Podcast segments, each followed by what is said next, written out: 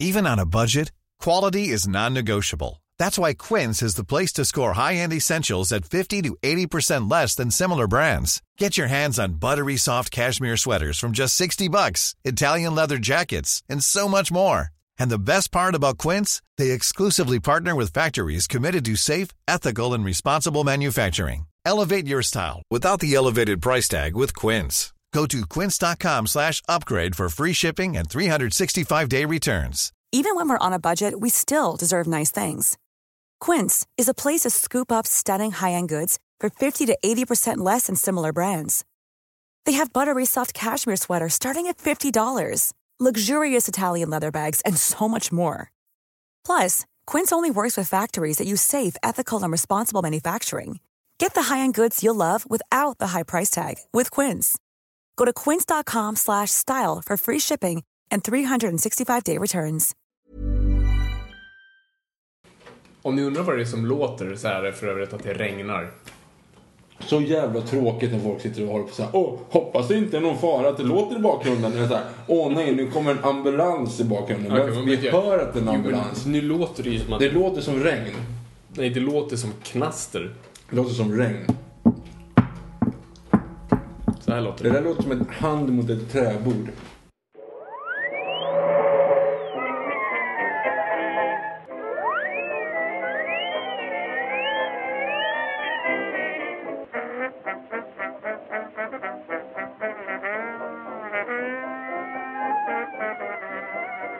Då börjar jag bara. Gör det. Tack. Hej och välkomna till eh, podcasten Nörden och jag. Det är jag som är nörden. Och det är jag som är jag, Viktor Engberg. Och nörden är då Fabian Nordlander. I vanliga fall så vi har nästan kommit på en sån här eh, en liten Jingelakt. grej som vi Ja, gör. exakt. liksom. eh, och på tal om det så brukar vi snacka förut om att vi inte har något bra sätt att summera vad den här podcasten egentligen är för någonting. Eh, vi fick ju här från en, en, en lyssnare som heter Gustav Karsten. Han, han, jag tror att han uttalas så, eller Karsten, skitsamma. Det, jag, jag läste det bara på, på Twitter. Och han, han beskrev det som att eh, jag älskar när, när, när nörden jag gör den här att Först pratar man i en och en halv timme, tror att det är på väg att ta slut, sen säger man vidare till The Lost World och sen går man in på Batman. Mhm. Allting kan kopplas till Batman, eh, som vi brukar säga i den här podden. Det, det känns som att den skulle vi kunna ha som vår tagline. Man lyssnar en och en halv timme, man tror att det ska ta slut, går över till The Lost World och sen pratar man Batman. Mm. Det, det tycker jag summeras ganska bra. Ja. Ja. Eh, och det kan man också fundera också lite grann. Men det finns ju många filmpodcasts där ute liksom. Ja, Eh, väldigt många. eh, På tok det- för många. Eh, och då kan man ju också fundera lite grann på varför du som lyssnar här har valt just oss. Det kanske är av, av misstag, det kanske är av att du har lyssnat på oss tidigare, du kanske bara tror att, eh, vår, att vi, vi har något intressant att säga med, grundat på den bilden och den beskrivningen vi har. Men det är ändå ganska intressant. Jag, jag tycker ju faktiskt att vi har en grej going här. Du är ju liksom den här dramaturgen, den här Mm. eh, insatta personen som faktiskt kan massa saker. Tack. jag däremot kan ingenting. Nej. Okej, ja, jag har sett en del film, men jag menar, jag, jag, det är Nej, du det- som det- kan the shit. Ja, liksom. fast det, du, har, du är ju lite Rain Man dock på andra vis. För du Ja. kan komma ihåg Disney-sånger helt utan till och så här, filmer. Jag skulle kunna egentligen få det gå igång på Ringaren i Notre Dame och du skulle kunna köra liksom alla repliker från början till slut. Eh, du, du kan höra en sång typ en eller två gånger och då kan du den sången, liksom texterna och alltihop. Du kan ju hela Evert Taubes katalog. Try me.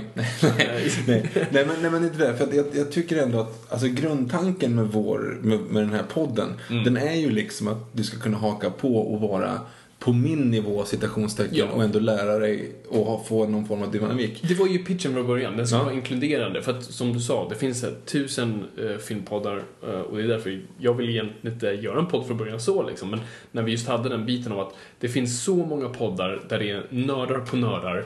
En riktig clusterfuck av nördar eh, snackar. Och det är inget fel med det. Men om du är någon som vill liksom komma in i den här kulturen så finns det väldigt få ingångsvägar. Och då var det rätt kul att hitta ett sätt för oss att ha en straight man relation mellan du och jag liksom. Så du är den som kan saker, jag är ingången.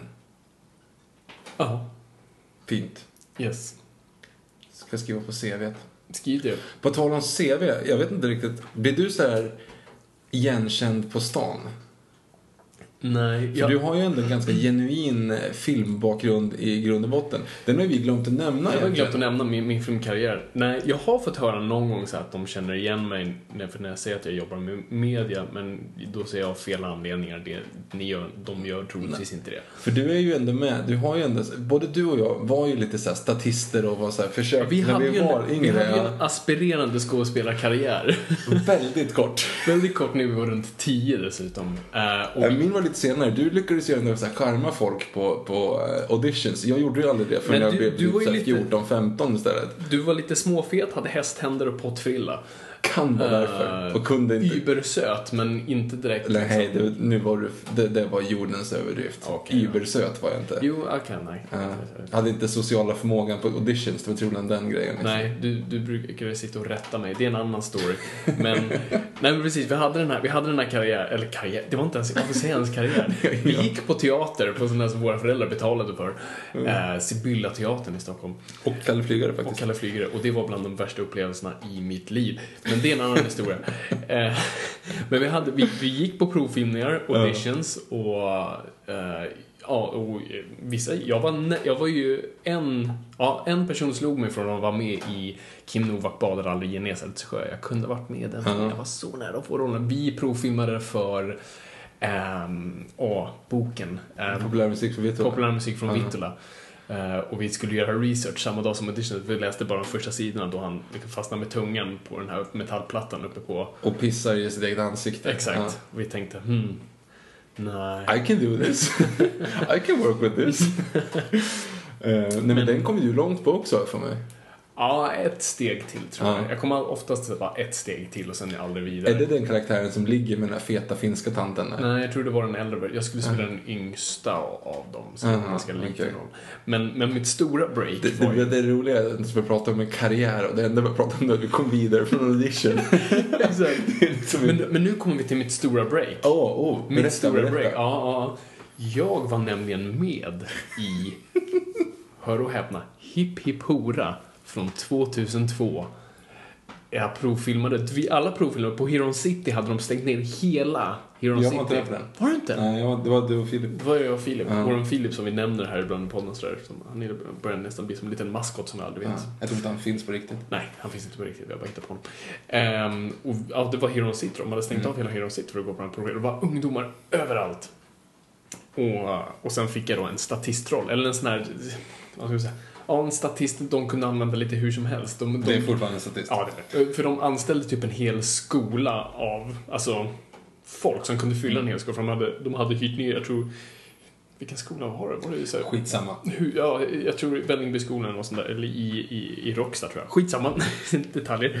Ehm, så vi var där typ under här, tre veckor, jag och Filip som så här, statister fick gå in och ut i, ur scener och ibland kunde man få en replik. Filip har bland annat en replik, om ni vill veta vem han är så är han personen som eh, går fram till då, vad hette hon? Sofia hette eller Sofie hette hon i filmen. Med, Sofie. Vad fan heter hon på riktigt? Amanda... Ja, vad Ja, heter. någonting. Ja, filmen handlar i alla fall om en ung tjej som börjar på högstadiet, går på en fest och sen eh, dricker för mycket, eh, somnar, eller svimmar snarare. Eh, Däckar. Däckar, rä- rätt term. Och sen så fotar någon henne i väldigt jobbiga situationer utan hennes, eh, vad ska man säga, mm, ah, Skitsamma. det, det, det slutar inte bra för henne i alla fall. Det, det, det är hemskt. Um, och då i alla fall, då är en scen, precis när de här eh, bilderna börjat läcka, det här är innan internet, så det här är fortfarande så här, någon har framkallat de här bilderna. Uh, så det, vår vän som, som ja, går fram till henne och säger, jag har sett lite bilder på dig. Det var hans skratt och sen så gick han vidare. Du är ju med i den klassrumsscenen här, när, de, när de ska bara sjunga för henne. Precis där. Åh, Sofie fyller år idag. Hipp hipp hurra! Så här, och då sitter du typ på hörnet där i en dime-keps och jättekrulligt hår. Exakt, väldigt krulligt hår på den tiden. Men, men, men min, jag har en halvbild i den filmen, det har jag faktiskt. Ja, det, det. det är i matsalen då Sofie börjar bråka med Mouse. Med Mouse. Ja. Eh, och då har jag och Filip en sån här reaction shot. Då jag har min mun full av kallt ris och vänder mig om. Ja. Och då ser man bild. Så vill någon, vill någon se min tidiga karriär så gå till Hippipore. Jag önskar jag hade tidkoden åt er, men, det har jag inte. Du var med i Vinnare och förlorare. Ah shit. Jag, men jag var med i, alltså jag har varit så här, statist i de ganska många så här skitsvenska Ja, du liksom. fortsatte ju efter typ vi slutade, men typ omfamnade statistrollen. Ja, precis. Men Vinnare och förlorare från typ 2004, Kjell Sundvalls här Mm. film om, eh, om trav. Jag är med tre, fyra gånger så i bakgrunden. Man har ingen aning att det är jag om jag inte vet att pekar ut det. Mm. Eh, jag är faktiskt med i Luftslottet som sprängdes. Eh, inte i, i bioversionen utan i, i tv-serieversionen. För den scenen, bortklippt från... den scenen klipper de ju. Så jag står i bakgrunden och spelar full på någon, Mm. någon bar där. Ehm, Sen fick du ju väldigt mycket exponering under, vad var det, fotbolls-VM? Ja, EM? fotbolls-EM 2012 så var med i den här billboarden. den där Fotbolls-EM sponsras av. Och så står jag där Och då håller och- Viktor i alla produkter som typ är sponsrade. Ja, precis. Jag håller på med, det är min, fing, mina, min hand som håller Samsung-telefonen och står så här och Mm. ler och såna grejer. Nej men det var ju en del reklamfilmer, Statoil-reklamen där man skulle Mm. racea förbi eh, Har inte du gjort för SSU också? Jo, fast det syns, jo okej det syns faktiskt fast det var inte mer, jag, jag visste faktiskt inte vad det var för någonting när jag var Nej. Vadå, är det här politik? Vad är det här? Ja, eh, jag visste faktiskt inte om det. Det var för övrigt typ den sämsta reklamen jag någonsin Ja, sett. den var, den var riktigt... Det var den här om killen som går och lägger sig med en gammal tant. Ja, jag precis. förstår fortfarande inte vad den handlar om. Nej, alltså grejen är så här, det är en kille som går på krogen och så Mhm. dansar med sina kompisar och taxi. Sen så vaknar han upp och då ligger en tant i hans säng. Och du spelade då tanten. Nej, nej, jag är en av hans kompisar som sitter i taxin och dansar i bakgrunden. Just det, så. Hur som helst. Han vaknar upp, det ligger en tant bredvid honom i sängen. Han Mm. går upp, tar på sig ett par jobbaroverall, en jobbaroverall och så står det “Visst blir man förvånad när unga jobb”. Bara, Va? Ja. Ja. Grej, grejen var ju att han ska tänka så här, visst blir man förvånad att han vaknar upp med en Ja, tant. precis. Men istället... Men det är roligt att, haha, det var för att han hade kläder på sig. Ja, Eh, och det, bara dumt. det, var, det var faktiskt dumt. Den, den var inget bra. Nej. Ehm, men det är shit. Uh, Filip och Fredrik-sketcher har varit med någon gång. Mm. Just med det. Micke Persbrandt. Mm. Ehm, jag är CSI. Jag var creditad som CSI-snubbe. Senast nu faktiskt eh, studentfesten. Ja, just det. Den, det är rötägget. Eh, det är ingen bra film, nej, men jag har en, en freeze frame. Ja, just det. När de typ Efter springer typ så ut. här 15 sekunder in i filmen. Så här. Och så Mm. har jag, jag var ju under tiden jag jobbade med Captain Morgan också, så jag har ju så här Captain Morgan-skägget. Liksom, Vi måste ju... Ska vi prata om det nu eller ta en annan gång? Din Captain Morgan-period också. Captain Morgan-perioden kan vi ta en annan gång. Eh, men det var i alla fall att jag skulle se ut som jag var 19. Eh, jag var ju typ 22, men jag såg ut som jag var 35. Ja, Victor ser ju fortfarande ut att vara 45 sen du var typ 12. Ja, ungefär. Eh, men framförallt då när man hade det där specialskägget. Bara Mm. för... Hade, ja. Skitsamma, det var våra karriärer som eh, rann ut i sanden lite grann. Precis, men det är inte därför vi är här. Det är inte därför vi är här. Vi är här då för... Ja, det här avsnittet är... ehm, Ja, som alla andra, liksom, vi, vi, vi, vi pratar om någonting som, är- som, som händer i det populärkulturella universumet just nu. I stratosfären, heter det så? Ingen aning vad du försöker Skitsamma. referera till. Inte jag heller. Eh, men runt hörnet nu kommer ju Terminator Genesis. Eh, för att vi vet inte hur det uttalas från Nej, jag vet inte. Eh, den senaste Term... Inte som Phil Collins Genesis. Nej, för det är med I. Ja, Genesis. precis. Här Och är... inte som Sega Genesis. Nej. Också med I. Mhm. Nu är det Genesis. Ja. Som jag tror ska stå för System. Dum, dum, dum, dum, dum. Dum, dum, Shit vad snyggt det där var. Jag tänker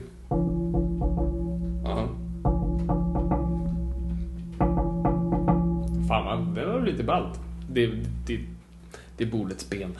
Ehm, Så fan som lät. Ja. Nej, så det är Terminator. Eh, den femte filmen är en liksom jättestor franchise som har funnits sedan 80-talet och det tyckte vi var ganska värt att prata om. Oh ja. Så då kör vi. Vi, vi kör på det. Bara en liten side-note innan. Vi är nu två stycken tweets ifrån att släppa Jurassic eh, Park, eh, eller inte, ja, Walking with Dinosaur-kvällen-bilderna. För er som inte förstår, lyssna på Jurassic Podd-avsnittet så kommer ni förstå. Ja, precis. Så två tweets till, sen, sen släpper vi de där bilderna. Uh, icke hippipora style, men nära. Nu fortsätter vi. En lastbilschaufför ser Star Wars. Och resten är historia. Precis, men egentligen inte innan det, men efter det. Låt höra vad du har för relation till, till Terminator. Liksom. När såg du dem först? Jag såg Terminator 2 först av alla och jag tyckte den var svinbra. Det var typ så jag kom in på det. Jag insåg ju nu att jag hade inte sett första Terminator förrän för typ två timmar sedan. Så att jag... Eh, Vilket är ganska intressant att du då... Alltså, man kan ju för sig se tvåan utan att ha sett den första, för att de är ju, alltså, de är ju länkade, men ändå, att det är en ny story. Ja, jo precis. Så att, eh, men ändå. Men jag är lite ledsen då att man, att man missade den här liksom, typ, twisten. Att de kommer på varsitt håll i Ja, korridoren och man vet inte vem det är som är god. Det Liksom. som är den bästa. Det var ju den relationen jag hade, för jag såg... För det var, ja, det var liksom en tv-race, liksom, då de visade dem så här, mm, först ena fredagen och sen fredagen därpå den andra. Och det var farsan som sa liksom, men titta på liksom, titta på den här, se vad du tycker. Liksom. Mm. Den, den, den är rätt bra. Och det var första filmen och jag såg den. Jag tyckte inte, tyckte inte särskilt mycket om den alls egentligen, för jag tyckte den var daterad. Jag var liksom 10 bast också. Men jag tyckte den var ganska daterad och nej, jag bara diggade inte den alls. Och sen så var det veckan efter Terminator 2 och så farsan liksom, nej men fan kolla på den här, se, se vad du tycker ändå. Kolla tvåan. Och, och det var som en religiös upplevelse. Och då också ha privilegiet av att inte ha någon aning om plotten överhuvudtaget. Mm. mm. Och det, alltså, det är ett privilegium du sällan får, även, alltså, trots, även de som såg dem då. Alla visste ju via reklamkampanjerna och Mm. alltihop att nu är Arnold god. Spoiler. Ehm, så det var ju fantastiskt som du säger, att den där scenen då T-1000 och Arnold liksom går mot varandra och, man, och T-1000, Robert Patrick har ju varit så här supersympatisk liksom hela första akten och liksom varit supervänlig som den här polisen. Och så bara vänds det totalt och det var ju så här mindblown helt. Och jag var, jag, alltså den filmen var jag helt sådär besatt av efter, efter det. Mm, jag. Sen hade, jag, sen hade jag Terminator 3 på VHS, bland, eller vad säger på DVD, bland de första Men det var ju filmerna jag hade. lite långt efter. Ja men det är typ 2003 Tre, eller mm. Och den har jag ju kollat sönder istället. Så den har ju Vilket mer... är konstigt. Jag vet, det är jättekonstigt. Men det var mest bara för att man... Du vet, man, när man var 13 och inte hade så många filmer, då roterade de ganska Ja, rejält. Jo, men så var det ju. Det här är ju pre-download också. Och man upptäckte Christiana Loken också. Mm, typ det. Men vi hade ju någon sån här konstig Terminator-fetisch vid den där tiden. För att, precis som att vi hade våra dinosaurier och allt annat. Vi gjorde ju liksom ett antal Terminator-filmer. En spoof Mm. som ni gjorde typ som skolprojekt. Ja. Som handlar om att liksom, John Connor var liksom en påtänd hippie. Ja, men var det, ganska nej, kul. nej, det var inte det som var grejen. Utan eh, det skulle ju vara en direkt uppföljare till Terminator. Okej. Fast alltså att, att de skickade den första. Terminatorn de skulle skicka tillbaka hamnade Mm. i Sverige och fel år. Så att det var liksom så här, och det finns en dödslista på typ 250 namn som Ja, just skulle det. ha ihjäl. Och typ nummer 247 på den listan var den enda som var i närheten av där han landade och det var typ Ja, John det. Connors kock eller sånt där. Ja. Och det var bara en pårökt hippie liksom. Så att den går ut på att han ska typ mörda den, den högsta, eller den, den som är högt upp på listan och det är den här påtända hippien bara. Ja, precis. Ehm, och det är det som är grejen liksom. Mm. Det Så var- att den skulle utspela sig i samma universum Det liksom. var ju faktiskt ganska kul. Så här, Secret Origin. Ja, ja, precis. Men, och sen gjorde vi bara något, vi hade någon tråkig sommar då vi på ditt landställe bara så här, slogs som Terminators. Fast det var innan, så det var typ en, det var en typ en, ett prov inför att göra den. Ja, typ så hur, Ja. hur kan man slå varandra med saker som så här, ser tunga ut? Ja. Hur gör, gör man den illusionen? Det var Not so much. jättedåligt, verkligen. Ja. Sämst. Din stackars kusin fick filma det åt oss. Förlåt Emilia. Sorry. Men yes. Nej men så absolut. Terminator var en liksom, jättebig deal och även liksom, trean då såg man mest för man hade den och det var liksom en ny film. Och den var ju ganska rolig liksom. Vi kommer väl mer in på vad vi tycker sen. Men ja, nej men så, så vi båda är liksom egentligen Terminator-fans från början. Vilket är liksom kul. Men, men om vi går tillbaka då till liksom 1987. Då liksom första Terminator släpptes. Och det är ju 84. va? 84, förlåt. 87. Mm. Jag tänkte, sorry. Jag tänkte på 2027 där framtiden utspelar sig. Och att bomberna ska väl släppas 97, va? Någonting sånt. 1997. Men, men. Eh, det är ju James Cameron-film, den första och den andra. Eh, och hela det konceptet föds ju att James Cameron är i Rom eh, för att spela in en Roger Corman-film. Han börjar hos Roger Corman och Roger Corman, för de som inte vet det, är en superlegend inom Hollywood, hur man gjorde billiga B-filmer. Alltså det var lite Sharknado av hans tid. Han, Bara att han hade ett intressant koncept av att han hittar nästa Fellini, nästa Bergman, men ger, det, ger den här personen en skitfilm. Liksom, ger den liksom Sexy Tarantula 3 eh, och kastar honom en eh, avdankad skådis, eh, fräsch från rehab liksom, och så gör man filmen på två veckor och han, han var känd för att låsa in sina manusförfattare om att de skulle ha tio sidor innan lunch, tio sidor efter lunch och sånt där. Eh, och många kända regissörer har varit under Roger Cormans vinge, som Coppola och Scorsese och många, många fler. Och då bland annat Cameron. Cameron byggde liksom eh, sets, alltså scenografi och, och sånt där. Och han var i Rom i, i, i feber, låg sjuk och fick en sån här mardrömsvision av en av ett robotskelett som reste sig ur från elden. Mm. Och eh, ringde liksom sin polare dagen efter och bara du har den här bilden i mitt huvud, jag skulle vilja göra någonting av det. Och vid den här tidpunkten så har han precis blivit vän med eh, Gail Ann Hurd som, som sedan blir producent. Så hon var också under Cormans ving och de hade träffat, eh, träffat varandra där och blivit goda vänner och sagt liksom gör vi någonting så härnäst så gör vi det tillsammans. Och de blev ju sina man och hustru. Eh, så de börjar att fundera på det här Terminator-konceptet. Så Cameron, hon och en till manusförfattare börjar liksom fundera ut vad, vad det här skulle vara och, och jobbar ihop en liksom ganska simpel story. Eh, och går sen runt till varenda studio i Hollywood och alla säger bara nej. Vi vill absolut inte ha någonting med det här att göra för det är liksom sci-fi hade gått ner lite i tiden. Vi hade haft liksom Star Wars och Alien och hela den boomen och den hade liksom gått ner igen och det var inte så hett längre. Och ingen vill liksom röra på det, för det var egentligen en Roger Corman-film, det var en B-film. Alltså det är egentligen en monsterrulle. En, robot kommer och ska mörda någon. Mm. That's it. Och sen är det inte förrän Orion Pictures, som nu inte finns längre, jag tror de gjorde Lammet tystnar också, men de var de fanns då. De valde att göra det på en väldigt liten budget. Och eh, och sen är det då äh, ganska snabbt en direkt fråga om casting och sådär och, och, vem som ska spela vad. Och här dyker ju Schwarzenegger upp ganska tidigt för att eh, han är ju ganska het från Conan Barbaren-filmerna och han på något vis förutspås att bli en stjärna snart. Så det är ganska bra att investera i honom innan han liksom blommar ut ordentligt. Men de vet inte riktigt var de ska ha honom någonstans och Cameron är egentligen inte intresserad. Han vill egentligen ha snubben som spelar Bishop i Aliens skulle vara Terminatorn. För mm Eh, Terminator-konceptet först för Cameron var att Terminator skulle kunna vara vem som helst. Infiltration, enhet. Ja, liksom. exakt. Ja. Kunna vara i en folkmassa och du skulle inte se att det är någon speciell. Schwarzenegger är inte riktigt känd för att smälta in.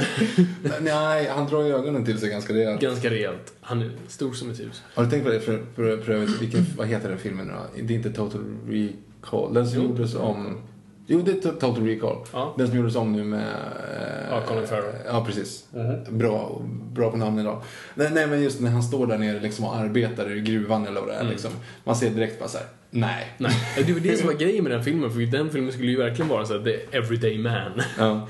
och så Schwarzenegger kan absolut inte vara everyday man, för man ser att, att men, du ska kunna slita någons huvud av. Eller som han står också som Dr. Freeze i Batman och Robin när han är forskare och ja, så står och håller i glasögonen så där. Ja, exakt, och ser nästan ut att spricka ur från den där jävla doktorsrocken han har på sig. Ja, precis. Uh, så att, ja, han, han, han, smälter inte riktigt in. Men uh, Schwarzenegger ska egentligen läsa då via provfilmen för Kyle Reese då, alltså den heroiska mm. karaktären. Mm.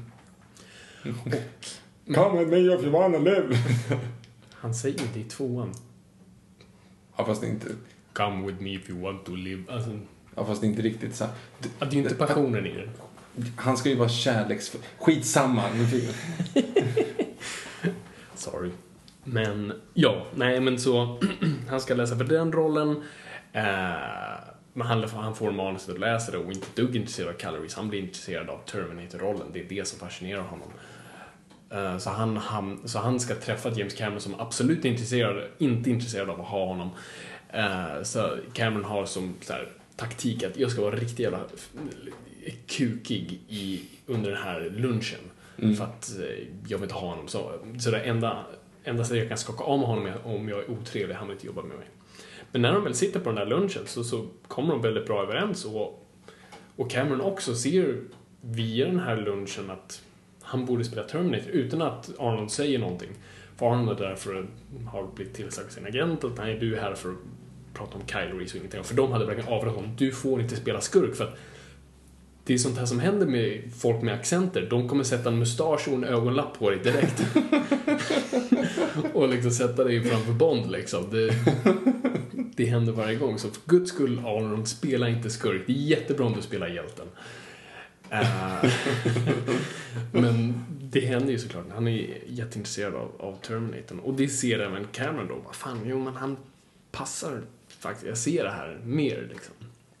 Så den här lunchen tänker båda på, på det men säger ingenting och sen går de till sina respektive agenter och säger Terminator på Arnold. Uh, och det blir så. Och uh, de anställer honom. Och eh, då blir det direkt lite buzz runt Arnold och eh, Dino De Laurentiis, producent, eh, legendariska producenten bakom Conan-filmerna och de senare Hannibal-rullarna hör detta och tror att de ska sno honom. Så att direkt så sätter Dino De Laurentiis igång med Conan 2 och har Schwarzenegger under kontrakt så att han dras från Terminator. Men producenterna till Terminator och filmbolaget vill ha honom så gärna så att de haltar hela produktionen schysst nog för att vänta på att Arnold ska komma tillbaka. Och sen så, ja. Alltså, och så anställer de Linda Hamilton som blir en direkt favorit vid hennes eh, provfilmning och liksom alla andra castingkomponenter kommer ihop och sen så filmar de skiten under väldigt liten budget. Alltså det är nästan Roger Corman, det är en B-film. Väldigt små medel och väldigt mycket så här, eh, produktion med mycket liksom cigarettrök och jullampor och sånt där. Och det är ju en budget på cirka 6 miljoner liksom. Så det är typ dollar. Dollar. Ja. Så att, eh, och sen är det ju då i och för sig, så det är lite mer. Men det, är en ganska liten budget för, för att vara en, en sån film. Uh, och de tänker, och de tänker, alltså producenterna tänker också att det här kommer bli en, den kommer gå helt okej okay när den släpps och sen så kommer vi kunna dra in lite på annat sådär, men det kommer inte bli en stor hit, men det blir en jättehit. Mm. Eh, större än man någon eh, skulle kunna, den blir liksom kult över en natt, I'll be back blir någonting i folkmun och allt sånt där och Come with me if you want to live och det blir liksom en enormhet. Men nu har vi ju sett film, vi kollade ju på den för ett litet mm. tag sedan för att mm. fräscha upp våra minnen för jag har inte heller sett den på flera, flera år och då tyckte jag inte om den. Ja, alltså jag, jag insåg ju att jag inte har sett hela filmen utan bara sett små delar av den. Liksom. Mm. Och jag trodde också att den var helt daterad, men jag tyckte den var bra. Alltså ja. jag tycker att det höll. Förvånansvärt tajt, ja. måste jag säga. Alltså verkligen, nu uppskattar jag den på ett helt annat sätt. Uh, jag tyckte den verkligen, nej men skittight actionrulle. Mm. Som gör exakt vad den ska göra, försöker inte vara någonting annat utan bara gör exakt, den är liksom, den är lika liksom straight i, sin, i sitt mål som en Terminator. Mm. Den bara siktar rakt fram och går hela vägen. Det, det jag tycker är så fantastiskt bra med den på ett vis är hur den får in så jävla mycket content på så lite tid. Och när man väl tittar på den ur ett rent manusperspektiv som jag gillar att göra. Vad Cameron är rätt duktig på, och det gör han mycket senare filmer, det är hur han förklarar saker och ting. Hur, hur ska han etablera hela det här framtidskonceptet? Mm. Och det är ju såklart lite flashbacks och sånt där, men de är ju väldigt korta och de säger ju väldigt lite om världen. De säger nästan ingenting. Ingenting. Men hur förklarar vi världen intressant? Voiceover? Nej. Um, liksom långa textremsor? Ja, lite grann men ingenting stort. Utan det han gör är att han sätter de här dialogerna, nästan monolog då Kyle Reese förklarar det här för... För Shrinken. För Shrinken och mm. för uh, Sarah Connor. Det är oftast i en jaktscen Mm. När de gömmer sig någonstans, när de gör någonting. Det är oftast väldigt aktivt i hur de levererar de här replikerna. Så det är oftast väldigt interaktivt i storyn hela tiden. Det är inte att de sätter sig ner på ett fik okej, okay, så här ligger det till. Och så sitter de i fem minuter och har en tråkig dialogscen. Utan det är alltid, det, när de ligger i bilen där, då Terminatorn, du vet, letar, efter dem. Ja. Då sitter de och pratar, du vet, i en biljaktscen så pratar han om framtiden med mm. Så att, det är det jag tycker är bara så himla häftigt med den. Hur han inte integrerar sin, sina koncept i en sprängfylld dialog. Det, det tycker jag är bland de starka Jag tyckte det var snyggt också just för att han snackar med den här psykologen. Mm. Också få dra om hela storyn för psykologen då. Och att mm. psykologen mm. typ återberättar den fast ironiskt. Ja, precis. Eh, det tycker jag också var ganska snyggt. Eh, just att få in det där. Mm. Och inte få det som en typ voice-over eller backflash eller något. Mm. Utan en, ja. Och sen så har vi ju liksom effekterna och det är ju som sagt på den här budgeten väldigt lite att jobba med och det är väldigt gammal teknik. Vi har ju Stan Winston som jag pratade om tidigare som vi båda är väldigt stora fans av som är den här praktiska effektsnubben som byggde dockor och maskiner och sånt där. Mm. Och han byggde ju då det här skelettet som de använde mer än vad de trodde för att Cameron trodde inte man skulle kunna göra det men Stan Winston som alltid övertalade mig, jo men vi kan nog göra väldigt mycket live med det här. Och så mixar man det med stop motion och stop motion är ändå förvånansvärt bra. Jag minns den som svindålig ja, jag men jag tycker, jag tycker att den var bra. Alltså, eller bra, men jag tycker att den höll. Och samma sak de här egentligen incut-scenerna, alltså när de är i framtiden. Mm. Och man ser ju, det är ju liksom en filmad duk mm. slash ihopklippt. Men jag tycker ändå liksom, för att vara 1984 så, ja, det, det funkar ju liksom. Absolut. Nej men för jag satt och kollade på, på när Arnold väl är det här skelettet. Och den är ju en stel rörelse. Och det är så smart av Cameron att fatta det på något sätt. Att förutspå så här, alltså det här kommer inte... Om Arnold kan röra sig så mjukt som man kan, alltså som Arnold kan, begränsat som det må vara, men ändå. Jämför man med skelettet så är, det fort, så är skelettet så mycket stelare. Så vad gör vi med skelettet? Jo, men vi gör att den haltar. Den är skadad nu. Så det ger en liksom betydligt mer tyngd och förståelse till dess rörelse än om man bara skulle ha en springande liksom, stop motion robot. Så den mm. är stel av en anledning. Vilket jag tycker var väldigt, väldigt mm. Ja, det tänkte jag inte på, men det är ju klart. Det är ju mm. faktiskt snyggt. Och liksom bra skådespelare. Alltså, alltså Schwarzenegger är lite färsk i den här. Vi, vi sa det nu, han ser ständigt, han ser, det är jätteroligt. Kolla på hans ansikte när ni ser filmen och, och tänk på att han är missnöjd i hela filmen. han ser ständigt missnöjd ut. Jag tror inte han var, han var nog jätteglad över det, men han ser jättemissnöjd ja, ut. Han skulle väl ha liksom en stillastående min bara, eller en fast, ja. en fast ansiktsuttryck. Men han gör någonting med ögonbrynen som är väldigt... Nej, han ser ut som han är bekymrad. Jättebekymrad. ja. Och sen så också den grejen liksom att man märker så okej, okay, de var inte så familjära med datorer och scanners och grejer, utan ja. den här roboten går in och så tar han fram fingret och sveper med fingret över en telefonkatalog. Det är liksom inte så här kopplar upp sig mot telefonnätet eller bara skannar med blicken utan han måste ha fingret och drar ner och långsamt för att telefonkatalogen. Världens mest avancerade dator. Exakt. Jag gillar också bara detaljen att han inte kan skjuta och köra samtidigt. Jag, som, som jag sa, min, min iPhone har ju mer multitasking än, Arn, än en T100. Alltså han är ju liksom, han, kan inte, han kör in i en vägg på grund av att han försöker skjuta någon. Jag tyckte mm. det var lite småroligt. Men, men. Eh, nej, men jag tycker det är en solid film. Jag tycker den är liksom... Mm, ja, den funkar. Jag tycker den är riktigt bra. Och det är också kul också, man fattar, man fattar ju nu varför det blir en klassiker. Ja. Och oftast när man ser de här lite äldre filmerna så, så förstår man ju ändå, det ligger något lager till i mm. dem liksom, som man fattar varför de blir så bra. Ja, verkligen. Och särskilt då, alltså då hade ju ingen person sett det. Alltså på, på, hur det här tidsresa-konceptet var, var ju väldigt färskt. Hur någonting på något vis du vet, går full cirkel. Liksom. Hennes barn är ju då Kyle Rees barn också. Och twist och fotot han har på henne är fotot som tas i slutet och hon behåller, du vet, allt det där liksom går full cirkel. Det hade vi inte sett Vi har ju sett det i typ eh, La Jetée. Eh, eh, La Jetée som är en, jag rekommenderar verkligen, det är en, fransk svartvit film. Det är den filmen som sedan blir eh, Tolvvapnens armé, som de mm. som inspireras av. Det är, mm. det är en eh, film i bara stillbilder. Eh, som är, nej men den är skitbra, jag verkligen rekommenderar den. Den är bara en stillbild. Den har en rörande bild. Uh, och, det handlar, och det börjar just... Rörande bild? Ja, rör, ja. Den är rörande också. Den rör uh, och, det, och det börjar just precis som i, i uh, 12 vapen som är spoiler, men att en person ser sig själv dö. Mm. Som i en äldre form. Väldigt häftigt. Så att det var liksom den biten han har tagit från det och det tycker jag var väldigt intressant. Eh, man behöver inte riktigt nämna här vem som är nörden och vem som är jag. Men så här, ja, det fanns en filmtitel, en fransk svartfilm, endast i stillbilder. Man säger okej, okay. det känns jävligt eh, eh, bra.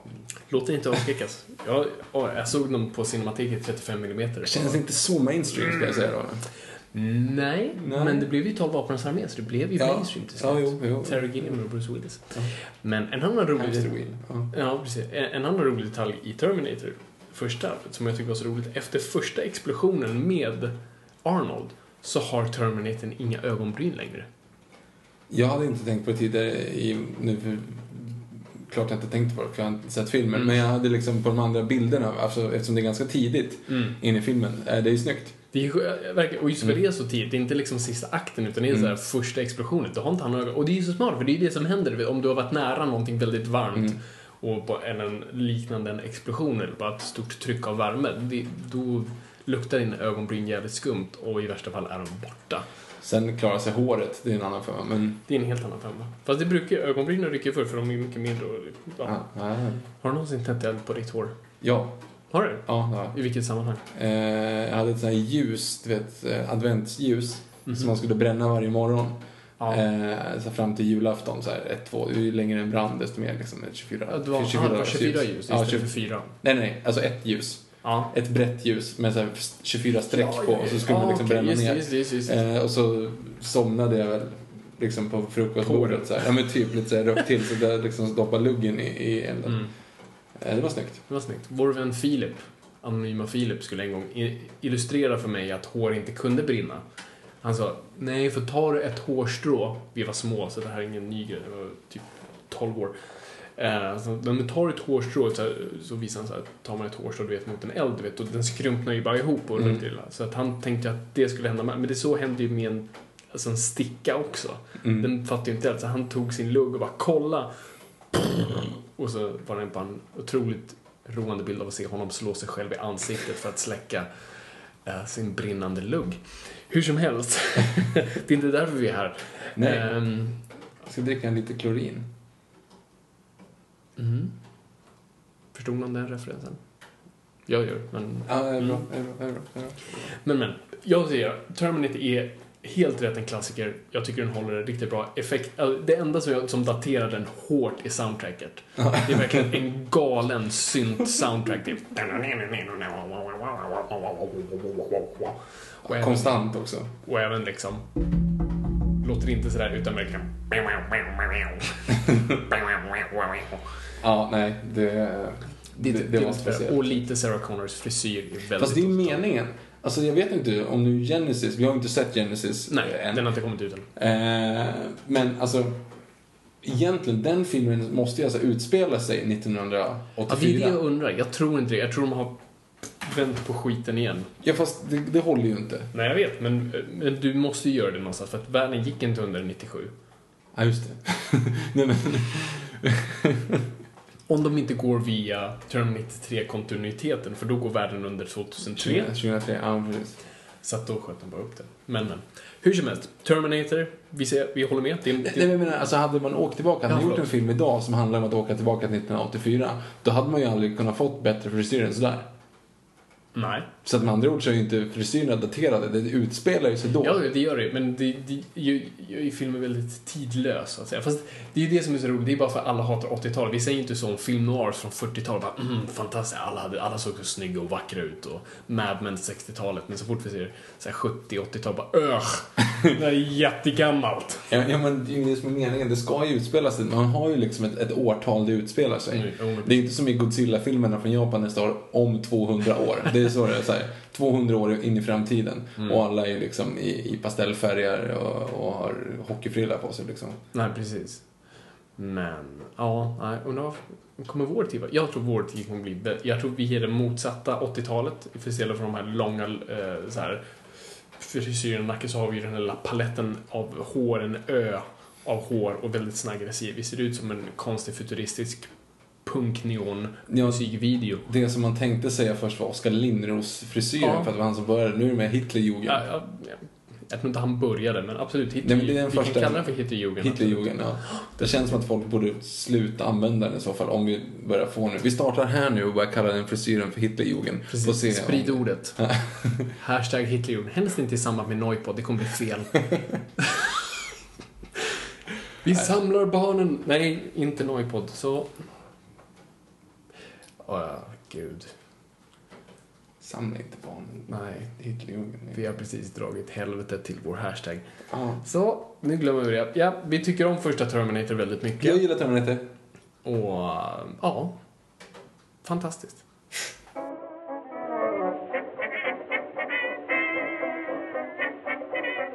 Terminator 2. Judgment Day. Som görs då ja, flera år efter. Det är liksom 91. Alltså när man ser första filmen så, så tycker man liksom att oh shit, det här är jätteupplagt för en uppföljare fast ändå inte. Men Alltså- det, det är absolut, den, den drömde ju av och har sitt slut liksom. Mm. Och som du säger, men ändå öppet. Definitivt. Alltså Terminator 2 när man tänker efter då. Så det är ju en av de få gångerna där det verkligen är så här. Den här uppföljaren verkligen bidrar någonting jättemycket till storyn. Alltså Nej, på ett jättespeciellt sätt. Den fortsatte ju storyn och knöt ihop den på samma sätt. För det var ju så liksom att Terminator, första Terminator blev ju en jättehit. Den kostade 6 miljoner, drog in 80 miljoner. Det är ett ganska stort plus. Och då växer ju intresset från filmbolag. Såklart. Yes, men rättigheterna låg inte hos James Cameron utan på annat håll. Så det blev en process av att få tillbaka dem. För att de låg lite utspritt. Ehm, för att det var bara ett stort, framförallt från fans, bara ville se en uppföljare. Och Arnold ville göra en uppföljare och alla ville göra en uppföljare. Men det tog en sån jävla tid. Och sen så hade man ju då, när det var den här pausen då de väntade på Arnold för att göra första Terminator så skrev ju James Cameron Aliens. Mm. Eh, och sen då efter Terminator så gick han och gjorde Aliens och Aliens blev också en sån superhit så James Cameron är nu liksom på alla släppare bara och är en jättestor regissör helt plötsligt. Från att vara, alltså under Terminator ska man komma ihåg, han såg på folks soffor. Den här lunchen han var på med Schwarzenegger fick ju Schwarzenegger betala för att Cameron hade inte råd. han, han var verkligen ingen och nu var han helt plötsligt allt, liksom, det hetaste där ute. Så att han var gjorde Aliens och blev en jättehit och han hann till och med sen göra en till film som är The Abyss. Som jag tycker, inte sett faktiskt. Det är en av hans, liksom, den glömmer man alltid bort när man pratar James Cameron. Jag tycker det är en av hans liksom, bättre rullar, absolut. Och den tycker jag alla borde verkligen gå och se. Och där också såddes ett frö för att där var det första gången James Cameron, och en av de första gångerna man lekte med dataanimationer. Mm -hmm. Vi borde nästan ha ett helt avsnitt om Industrial Light and Magic skulle jag nästan kunna göra. Jag skrev en artikel om det i Moviesin om ni vill läsa. Jag skrev en liksom, liten hyllningsartikel till Industrial Light and Magic. Och Industrial Light and Magic är ju då eh, specialeffektsbolaget som skapas av George Lucas för första Star Wars och gör liksom praktiska effekter som många andra först, men är de första som ges in i datagrafik. Som börjar då med Young Sherlock Holmes med en liksom liten, liten snutt av datanimation och sen så tror jag att Abyss är strax efter. The Abyss har då en slags vattententakel som kan forma sig, lite som flubber, du vet, flubber. Ja, eh, så forma sig till folks ansikten och sånt där. Och det var en ganska simpel, eller då var det komplicerad animation, men det simpel, det var liksom bara en, liksom en flytande grej. Mm. Och Cameron tyckte det var så häftigt så han byggde en hel karaktär runt det här och det var ju The T-1000. Så efter mycket om och men får du tillbaka rättigheterna och går och gör The Terminator 2 som får en enorm budget. Det blir alltså från att ha gjort en film på 6 miljoner får Terminator 2 en budget på 100 miljoner dollar. Snyggt. Det hade man inte sett då. Då var det liksom dyraste filmen. Så något, och 100 miljoner idag är fortfarande mycket pengar. Mm. Liksom. Mm. Det kan man liksom lägga, göra en film på och ändå få mycket för de pengarna. Vad kostar Jurassic World? Jurassic World på 100... 180. Ja, ah, okej. Okay. Det är ändå... Men sen ska vi ju lägga in då inflation och sånt där. Så att, men fort, ja, då är det ju ännu mer idag, liksom 100 miljoner. Men den eskalerar i budget därav. Den fick inte direkt direkt ett papper på här har du 100 miljoner utan jag tror det skulle gå på Först hade de lagt den på 14. och sen liksom steg det och Arnold Schwarzenegger skulle ha 15 miljoner dollar för den här rullen. Alltså. Det är alltså mer än första filmen.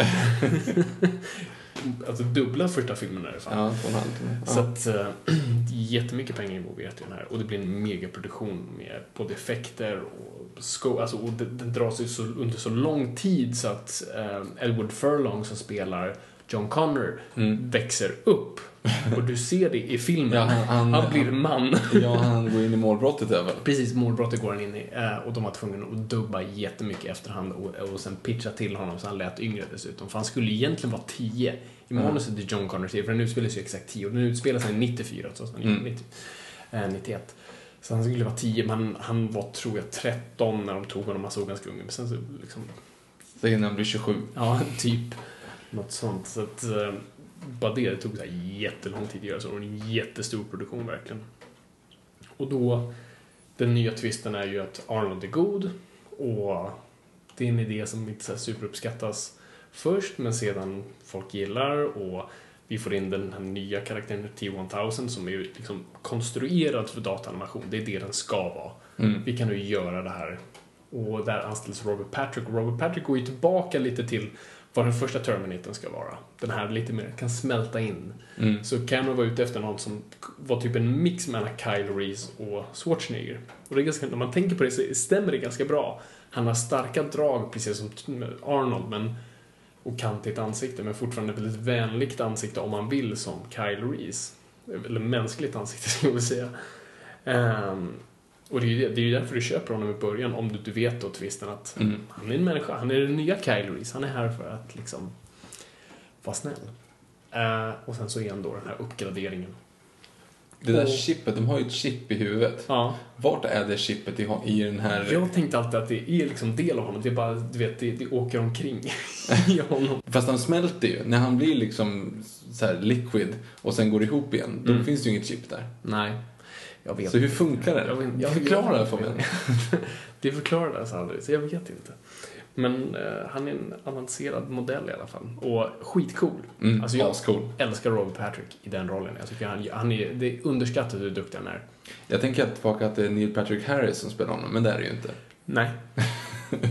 det är, tror jag, de är lite lika. Ja, och namnet är lite... Ja, jo, precis Ja. där också. Men, nej, men så filmen görs och, och, och du ser ju också Linda Hamilton helt bara, alltså hon är ju helt förändrad. Vilket också bara säger chock. Men det är ju så coolt just för att i första filmen så är hon såhär damsel in distress. Ja. Och hon säger det här kommer vara liksom the mother of future. Att hon kommer Mm. att typ leda det här grejen och värsta badass-morsan. Och man bara, ja jo, hej du, Mm. klipp dig. Liksom. Men, men så, så kommer det tillbaka, och så är hon så badass. Precis, liksom, i- och vi ser ju fröet av det, det också. Vi ser ju fröet av det i början, för hon ge- genomgår ju ändå en förändring. För Mm. vet, bland det sista hon gör, du vet, i första filmen är ju Get up soldier på Mm. Kyle Reese, du vet. Och, och tar ju liksom kommandot själv sen och Mm. faktiskt genomgår den förändringen. Och så du köper ju att hon har genomgått den här resan och, och med det här ansvaret på sina axlar blir man ju troligtvis galen, vilket hon är. Liksom. Hon är ju i det där sjukhuset av en anledning. Japp. Eh, hon är sjuk i huvudet och riktigt badass. Hon är ju liksom så jävla bitig. Det är helt sjukt. Ja, jävligt vältränad. Alltså nu skulle ju, ingen skådis skulle ju våga göra det idag. Kvinnlig skådis, framförallt. Liksom, snubbar är ju tränare hela tiden, men brudar måste ju tyvärr alltid vara liksom fina och mm, man får inte se konturerna på dem. Mm. Men hon liksom körde stenhårt. Ja, hon är ju Och- combat-tränad. Ja, ja. liksom. Hon skulle kunna slå Arnold hur lätt som helst. Skitläbbig. Eh, och verkligen går in i den rollen. Och, och sen så har vi ju John Connor nu, liksom, Edward Furlong, som Mm. vi senast såg kasta humrar på en mataffär någonstans i USA, tror jag. Ja, där gick det lite utför. Precis. Men, eh, ja, men v- vad tycker vi om filmen? Den är svinbra. Det är, det är alltså topp 10 på min lista. Ja, alltså, det är väl inte min topp 10, men absolut så här. Jag, om, om, om jag måste sätta min, så här, den bästa actionfilmen som gjorts, det är nog den. Helt klart. Ja, nej, men den är, den är riktigt, riktigt bra, tycker Mm. Nej men alltså en riktigt bra film. Och alltså, alltså en mästerlig actionfilm. Och just att de plockade upp de där grejerna. De plockade upp att armen och chippet i huvudet Mm. är fort, inte är förstört. Och det var liksom, det var ju troligen inte meningen när de gjorde första filmen. Nej, Alltså, och, och, det är de, har liksom, de har verkligen tagit upp det där. Det, det är så jäkla snyggt. Den funkar på väldigt många nivåer, tycker jag. Nej, helt klart. Alltså, och, och ännu en gång här, precis som jag pratade om, om första filmen, att hur man integrerar dialog och action och sånt där. Och jag brukar alltid jämföra, och när jag pratar om manus i dramaturgsyften, hur, hur action måste fungera. Action måste alltid driva storyn framåt, det är det det handlar om. Så om man jämför till exempel eh, två filmer, jag brukar alltid jämföra två filmer i, i det här resonemanget, jag kanske har dragit förut. Men om man jämför Inception Mhm. med Matrix Revolution. Nej, inte eh, Matrix Reloaded. I know where you're getting this. I Inception, varenda actionscen, när det är biljakter, när det är liksom fighting i korridoren, de är alltid på väg någonstans. Det är alltid för att ta sig till- från punkt A till punkt B. Vi måste nå vårt mål. Vi måste helt, ah fan det är någonting i vägen, jag måste ta mig förbi det här hindret för att nå dit jag vill. Mm. Därav spänning och friktion och därav framåtrörelse. Vad hittar vi i Matrix Reloaded? Jag, förstår, prat- vad, jag, jag- förstår var du är på väg. Jag pratar med oraklet, så när jag pratar klart med oraklet, oj, där kommer Smith. Utan han, du vet den här jättestora Ja, ja, fighten ja, när det är ja. tusental på den här basketbollplanen. och det har ingenting med storyrörelse framåt, utan nu måste vi ha en häftig scen. Ja, det har varit för mycket snack. Nu måste det bli lite Precis. slagsmål. Vi råkade snacka tio minuter, nu måste vi. Och det är det, och framförallt med den scenen, det är ju att han kan ju flyga därifrån. Ja. Alltså för han gör ju det. Nej, precis, för han är ingen superhjälte som du vet måste stanna kvar för att skydda människorna. Nej, nej, nej, nej, nej, han är helt ensam och det kommer massa sådana här eh, Smiths. Och han, istället för att flyga därifrån så stannar han kvar och slåss massa grejer. Och sen Mm. flyger han därifrån. Och det är inte så att han inte har tid. Alltså det är inte så att han försöker och de hoppar på honom utan att han, han står ju kvar och bara och spänner Mm. sig, gör Keanu Reeves, öppnar munnen, ser förvånad ut, minen och sen så slåss han. Men sen när han flyger därifrån, då hänger ju alla på honom. Så det är inte så att han inte kan. Alltså det är Mm. jättekonstigt. Nej, helt klart. Så det är oftast det jag brukar prata om. Alltså, action måste alltid röra storyn framåt. Annars, så annars, annars blir Michael Bay clusterfuck. Liksom. Och det är ju det Terminator 2 gör, precis som första. Den rör sig alltid framåt. Det är sån jävla framåt. Den rör sig som ett lokomotiv hela tiden. Det är I de här biljakterna, i de här liksom, fighting-scenerna. Det, det, är någonting där alltid som måste nås. Vi måste komma dit någonstans. Och det, och det är det som gör det till en så fantastisk, för du integrerar story i action. Vad är den första scenen du tänker på när du tänker på Terminator 2? Uh, jag tänker lite på motorcykeln mot uh, trucken, mm. första jaktscenen. För det är lite det, hur många man än frågar liksom, så tänker man på olika saker. Mm. Alltså det finns så många sådana scener som är så när han smälter och smälter ihop igen, ja. han går genom gallret där och pistolen slår emot och måste vrida den. För övrigt assnyggt. Jättebra. Eh, den scenen. Jag, jag av någon anledning har den här eh, What's your dog name? Dog, dog's name, så bara, men typ Wolfie. Wolfie. Han bara How Skippy? His Skippy is good. Mm. Bara, Your parents are dead. Alltså det är just den, den tänker jag på visserligen som är ascool. Mm, men, mm, men, men det finns, ju, det finns ju så jäkla många episka scener i den ja, filmen. klassiska moments. Ja. Scen. Du, kan, du kan minnas så mycket från det. Liksom, bara den saken som jag nämner nu är bara liksom, ett hår i frisyren av scener. Ja. uh, ah, det finns så mycket i den filmen. Alltså, det är helt fantastiskt. Bara små detaljer som den jättekola shotgunnen som Ja, laddar genom laddar. armen. Ja. Bara sådana grejer bara härmade man länge därefter. Nej, men det, det, det, är en riktigt bra film som förstår hur man liksom bara gör ett riktigt bra hantverk av bara cinematiskt äventyr och nej, det, jag, jag kan inte... Jag, jag, jag, bara älskar den till. Jag är skitsugen på att se den igen nu. Men här. Och sen har du ju effekterna. Och här, här tar de ju liksom ett, ett sånt jävla bara, enormt steg. Som, och jag, alltså vissa så, saker ser lite blanka ut idag och sådär. men det mesta tycker jag håller bra. Det är ingenting som tar mig ur filmen. Utan det hela tiden. För de använder det väldigt diskret och där det behövs och de mixar väldigt bra med Stan Winstons effekter, praktiska och sen då iLamps då, datagrafik. Som då, ja, när han smälter ihop och allt sånt där och läker sig själv och mm. kopierar sig själv eller gör något sånt där. Bara, mm, allt fungerar. Jag tycker det är skitsynd att de inte har kvar... Har du sett Directors Cutten? Nej. Det finns en jättebra scen som jag tycker är skitsynd att de inte har den vanliga för då, eh, för att When you're ready to pop the question, the last thing you want to do is second guess the ring. At Bluenile.com, you can design a one of a kind ring with the ease and convenience of shopping online. Choose your diamond and setting. When you find the one, you'll get it delivered right to your door. Go to Bluenile.com and use promo code LISTEN to get $50 off your purchase of $500 or more. That's code LISTEN at Bluenile.com for $50 off your purchase. Bluenile.com code LISTEN. Many of us have those stubborn pounds that seem impossible to lose, no matter how good we eat or how hard we work out. My solution is PlushCare. PlushCare is a leading telehealth provider with doctors who are there for you day and night to partner with you in your weight loss journey. They can prescribe FDA-approved weight loss medications like Wagovi and Zepbound for those who qualify. Plus, they accept most insurance plans. To get started, visit plushcare.com slash weight loss. That's plushcare.com slash weight loss. Mom deserves the best, and there's no better place to shop for Mother's Day than Whole Foods Market. They're your destination for unbeatable savings, from premium gifts to show-stopping flowers and irresistible desserts. Start by saving 33% with Prime on all body care and candles. Then get a 15-stem bunch of tulips for just $9.99 each with Prime. Round out Mom's menu with festive rosé, irresistible berry chantilly cake, and more special treats. Come celebrate Mother's Day at Whole Foods Market. Efter T-1000 du vet, har blivit fryst i flytande kväve. Så du vet, spräcks han av skottet hasta la vista baby. Mm.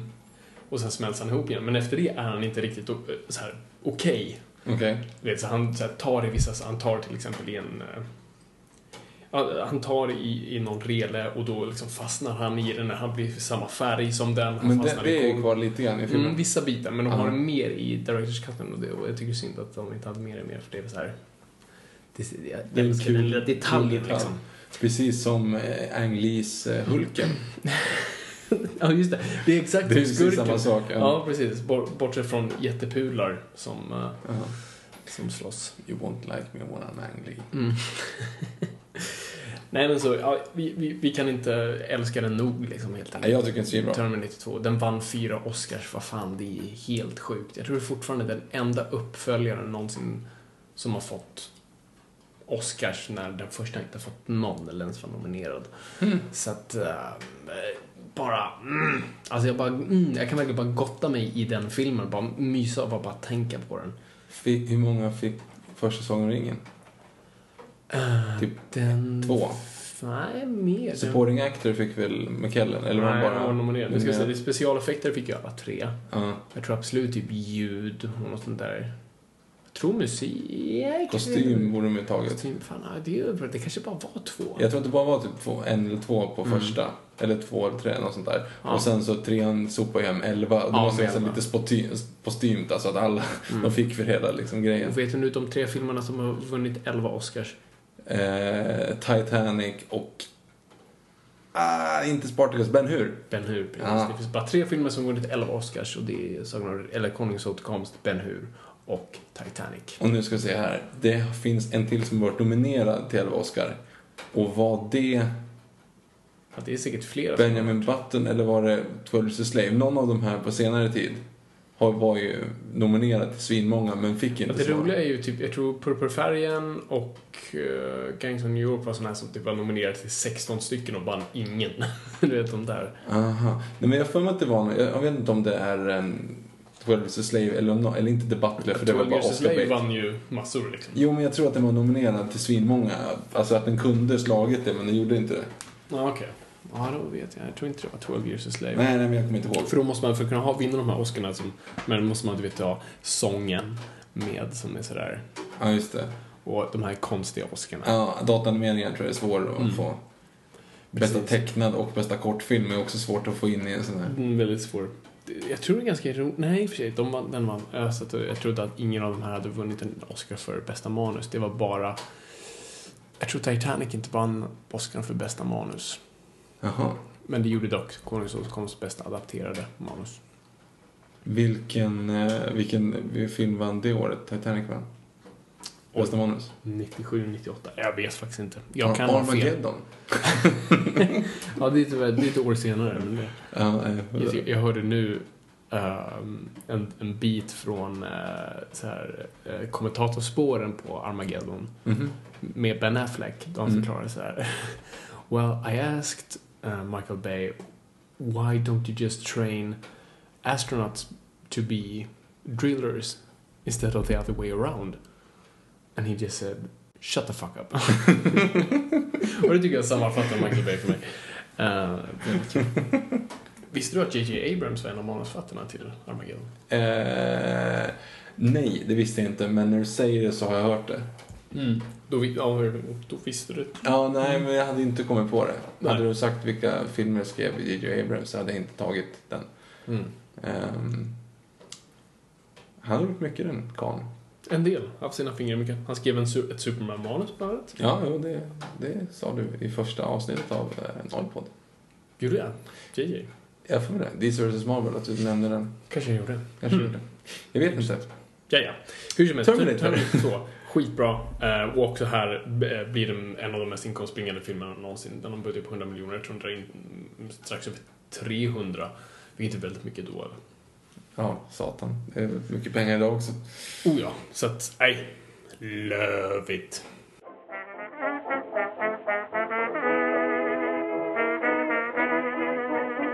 Talk to the hand. Funky, funky. That's funky man. Funky, funky. That's... Det är så jävla konstigt. Ja, det är hemskt. För det är så mycket dålig humor. Det är bara solglasögonen när de där sköna. Ja, ja vi, vi, vi, vi kan inte riktigt låta bli att prata om Terminator 3. Nej. Grejen är den här har jag sett hur många gånger som helst. Jag har sett den typ 15 gånger. Ja, lätt. säkert. För den låg typ på ditt landställe och var så här, ja, det regnar idag. Vi Ja. kollar på den. Uh, nej, men för Terminator 2 var ju som sagt en jättestor hit. Uh, jättemycket, så direkt började man ju prata om en uppföljare och James Cameron var intresserad ett tag, men sen inte. Och det blev ännu en gång bara ett uh, juridiskt problem av var rättigheterna låg och det cirkulerade hur länge som helst. Men ja, till slut så, så fick eh, ehm, James Camerons producent och fru tillbaka rättigheterna. Eh, och hon börjar då fundera ut en trea utan Cameron, från de skilda vid det här laget. Just det, han är tillsammans med, Han var ju med Linda Hamilton. med Linda Hamilton då. Mm. Så att eh, det, det ja, cirkulerade jättelång tid med olika författare och regissörer och det bara blev aldrig av. Och, bara, och till slut så handlar de, hamnar den i de trogna händerna på Jonathan Mustow. Vad fan han nu har gjort. Eh, Aning, han har gjort Terminator 3. eh, och de går i produktion lite snabbt och ett konstigt manus och ja, alltså storyn är ju exakt densamma. mm. Alltså, de ska hämta John Connor igen och Arnold är god och vi har en ny Terminator som är, en, som är sämre.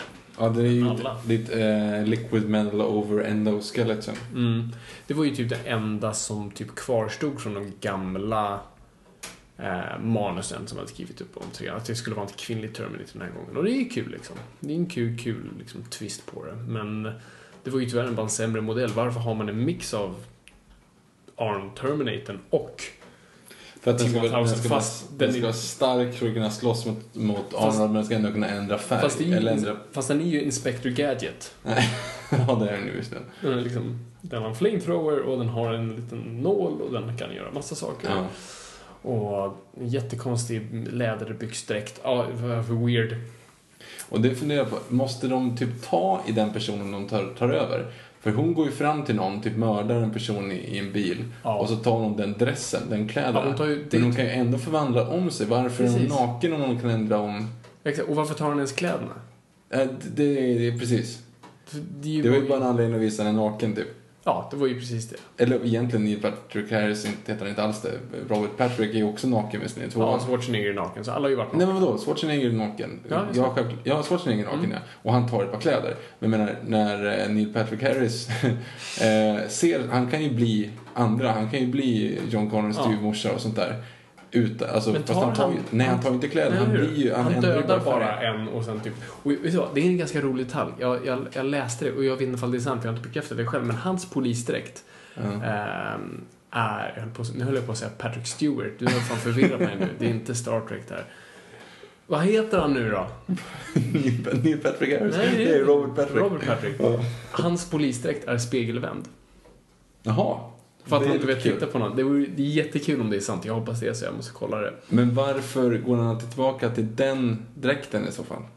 För den är ju perfekt. Att vara en polis får Jo, jo, jo, jo självklart. Men varför går i så fall Christina Loken tillbaka till att ha den där Det byxsparkdräkten? var jättedumt. Och dessutom så varför är det ens en kvinnlig Terminator? Varför finns det ens en grund eh, en grund eh, av den Terminatorn som är då i Terminator 3 i och med att den ändå kan ändra hela sitt utseende hela tiden. Ja, precis. Varför den är kvinnlig. Varför är den då kvinnlig? Jag och tror varför är de... liksom... Alltså jag tycker det är bra att ha en kvinnlig Terminator och jag tycker inte man behöver diskutera det mer än så och så, men eh, för varför har de manliga? Men de, de försöker förklara det i den filmen. Vet till exempel när hon blir stannad av en polis. Is så, sexy? Ja. så förstorar hon brösten. Det är bara... Mm, kom igen. Mörda honom bara. Ja, det- faktiskt. Hon gör ju det. Precis, för var det det liksom Patrick Stewart gjorde i, i, i som program, han liksom ökade skrevet lite när han besökte hemmafruarna. Det, jag vet inte det. För det, det, är så, det är så konstigt att hon ens försöker få honom liksom så intresserad. För hon, I like your gun. Alltså, vad är Mm. Ta nästa scen? Ta den bara. Nej, vänta, vad är nästa scen då? Kom, hon sitter ju i bilen, Ja, hon. Mm. stoppar av en polis. Polisen går ut, hon tittar på det så här Victoria's Secret ad som självklart är bara för, mark för marknadsföring, eller Yes. för produktplacering.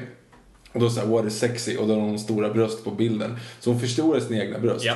Polisen kommer fram, tittar Mm. ner i, i klykan och sen hoppas så här You know how fast you were going? Och hon svarar bara genom att säga I like your gun. Ja, och sen klipps det. Och sen så har hon en pistol. Jag menar, vad är det som sker i den scenen Mm. då?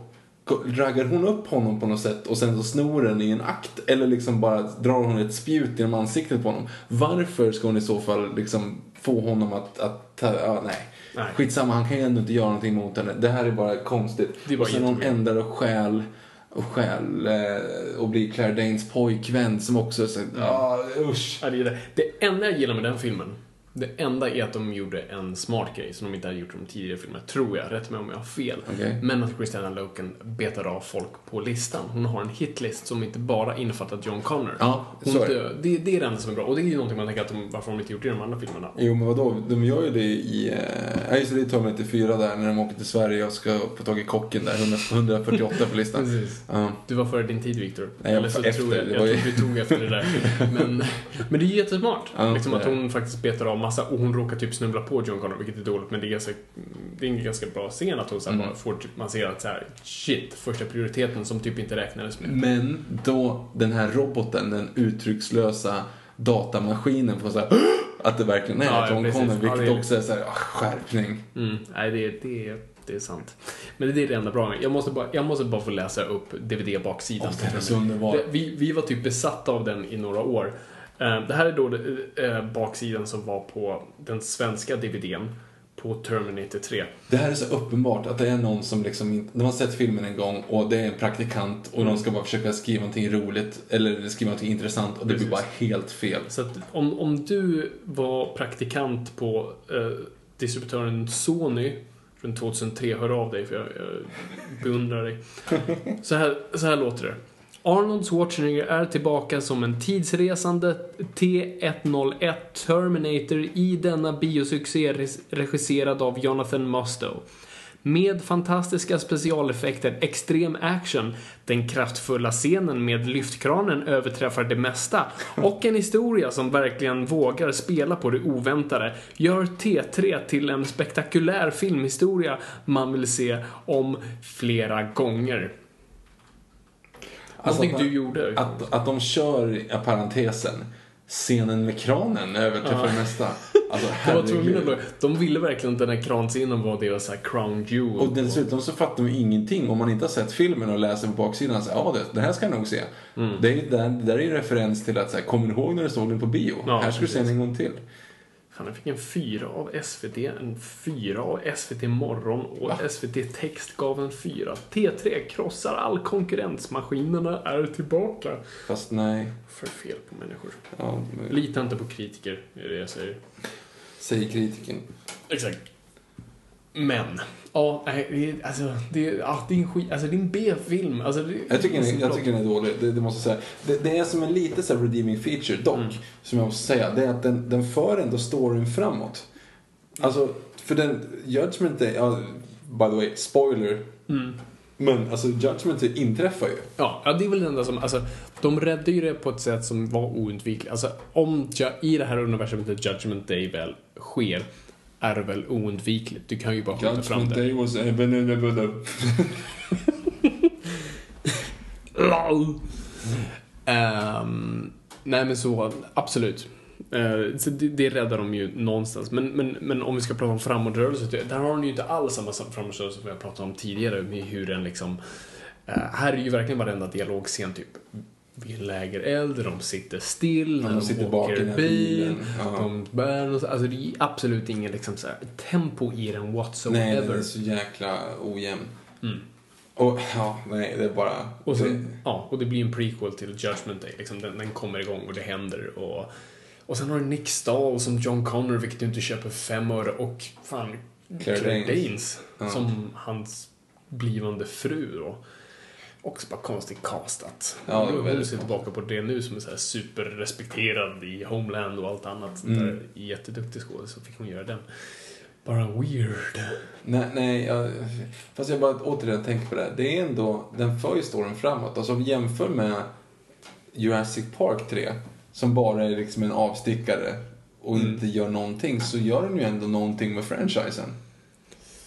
Så är Terminator 3 bättre än Jurassic Park 3? Ja, men alltså, det är som att jämföra, alltså du kan ju inte jämföra. Det är som att jämföra liksom, en bit frukt med bajs. Alltså det är ju fortfarande liksom skit. Ja, det är sant. Alltså absolut, det mesta är bättre än Jurassic Park 3, men det gör ju inte Terminator 3 bra. Nej, det, det, det är sant.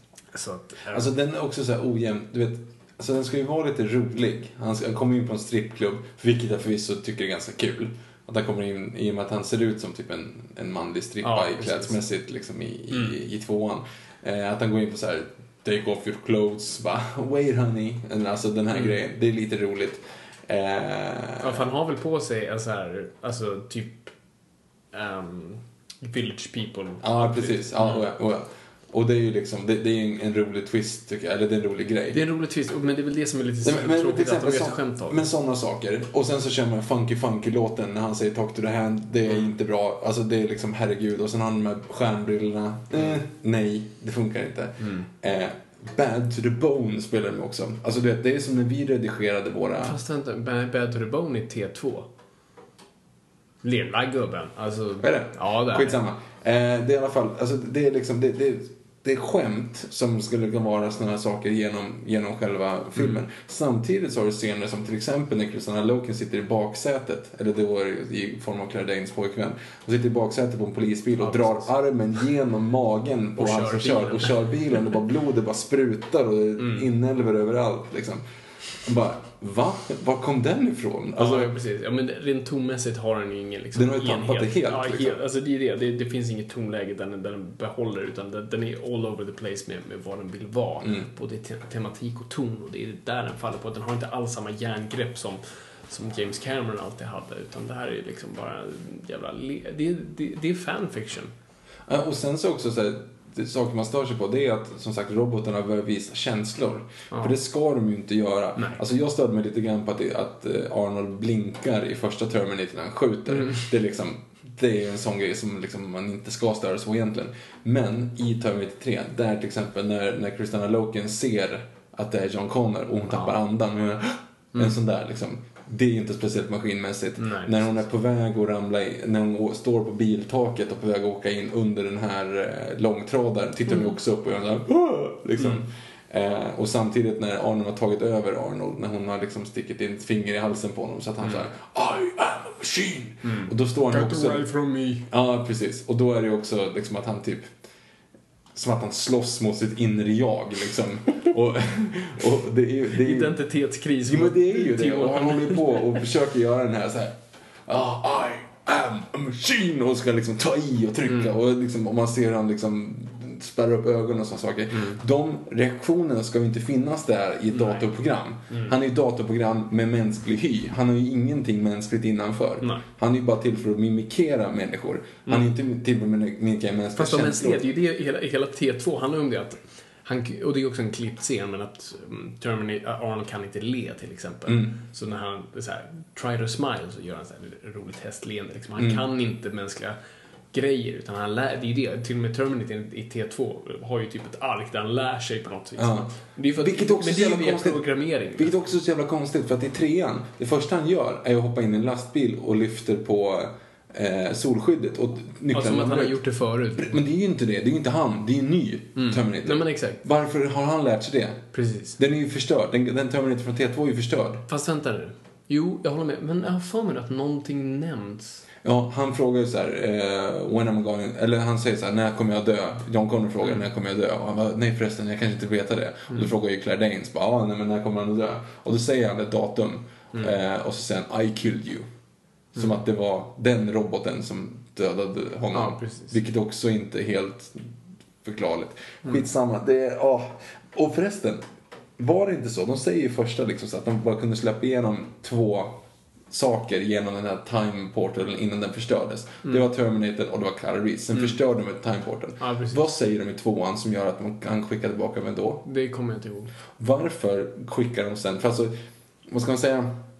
Tids, tidsaxlarna löper ju li, alltså lång, vidare hela tiden. Alltså man tänker liksom, första Reese och första Terminator skickas ju tillbaka före eh, Terminator i, i tvåan och Terminator i trean. Vad är det som gör att de inte skickar tillbaka Terminator i ettan bara typ fem år tillbaka och dödar John Connor när ett spädbarn för att det borde vara lättare att döda ett spädbarn än någon som inte ens är gravid och ung och, och viril och sådär. Samma sak, alltså varför följer, det är jättesvårt att förklara det här Du, utan men då kan du lika gärna säga skjut Sarah Connors farfars far. Ja, precis. Och tillbaka till så här, eh, 1700-talet och bara gå in med en AK4 och bara nita alla. Det, det är liksom, gör det istället. Varför skickar man inte tillbaka Christina Loken? Alltså den Christina Loken-grejen som också kunde så dra fram en flamethrower. Skicka tillbaka henne mot neandertalarna liksom och, Mm. och bränn. Eller Lucy, skjut Lucy. Liksom. Alltså, Ja, du kan exakt. göra hur långt bak som helst. Döda amöborna liksom under, Mm. ja. Men då kommer inte maskinerna existera. Någon måste Ja, men det gör de ju uppenbarligen. Ja, fast ja. Du ändrar ju det förflutna. Men Men du kommer bara veta vilken av de här amöborna som gjorde Jag- Sarah Connor. jag tycker vi stannar vid typ farfars far. Vi drar det bara så, så långt i alla fall.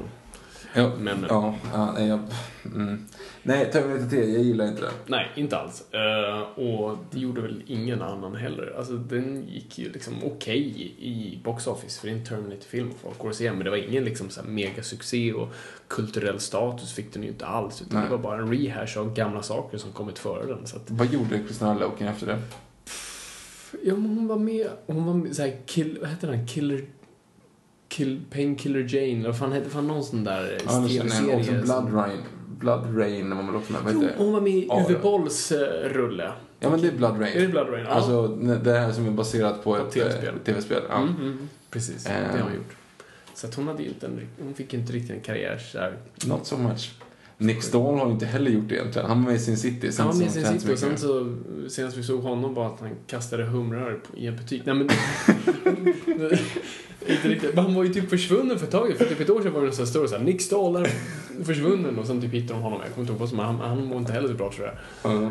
Eh, så det, fan, det, börjar bli en sån här Superman-curse över, över John Connors. Lite som, ja men du vet, som alla som spelade Superman gick ju åt helvete för. Ja.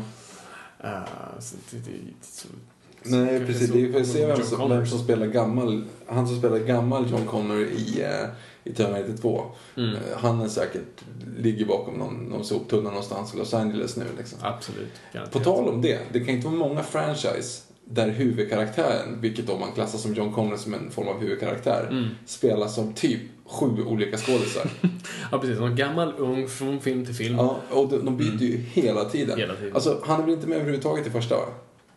Gjorde han? Nej, nej det är nej, inte. han är inte med nej, överhuvudtaget förlåt. Det första. har du helt rätt i. I andra så är han ju, spelas av två Ja, då personer. han ju i Flashbacks, I, eller tre, Flash forward. I trean spelas av Nick Stahl, i fyran Yes. spelas av Christian Bale. Ja. Eh, och i femman nu så spelas han ju av... Ja, men precis. Så det är ju, det är ju hypotetiskt fem skådisar liksom. Mm. De, de har inte liksom hållit den Nej, Han har snart slagit Bond-skådisar liksom. Ja, han har ju lika många. Eller ja, nej, ja just det. George Lazenby. Nej, nej, men det är ju det är egentligen helt sjukt. Och Arnold är samma däremot. Vilket också tappar Mm. helt. Ja, Ja, nej, men ingen favorit i alla fall. Trots att vi har sett den fler gånger än de andra kombinerat. jo, men jag hade inget val. Men precis, under DVD. Nej, men jag har sett Obra Dora Alto typ tusen gånger, för det var den första jag hade på DVD. Den och Swordfish såg jag mycket. Ja, Så de två jag hade på DVD. Mm. Så, så hade du med gamla papp, papp Ja, första fodral. DVD-fodralen som inte funkade. Underbart. Ja, och var du tvungen att vända på den också? Var det en sån här Ja, det vändbar var, DVD? nej, det var det inte alls det förresten. Eller? Eller? Nej, nej det var det inte. Jag kommer ihåg, jag hade South Park, South Park och den var för man fick vända på South Park-filmen. Och den är, vad är Den är typ en 80 och- minuter? Nej, den är inte alls lång. Ja, Den är skitkort. Mm. Tidig, tidig stadie för DVD. Ja, ja, skitsamma. Nej, vi tycker inte om den, så är det.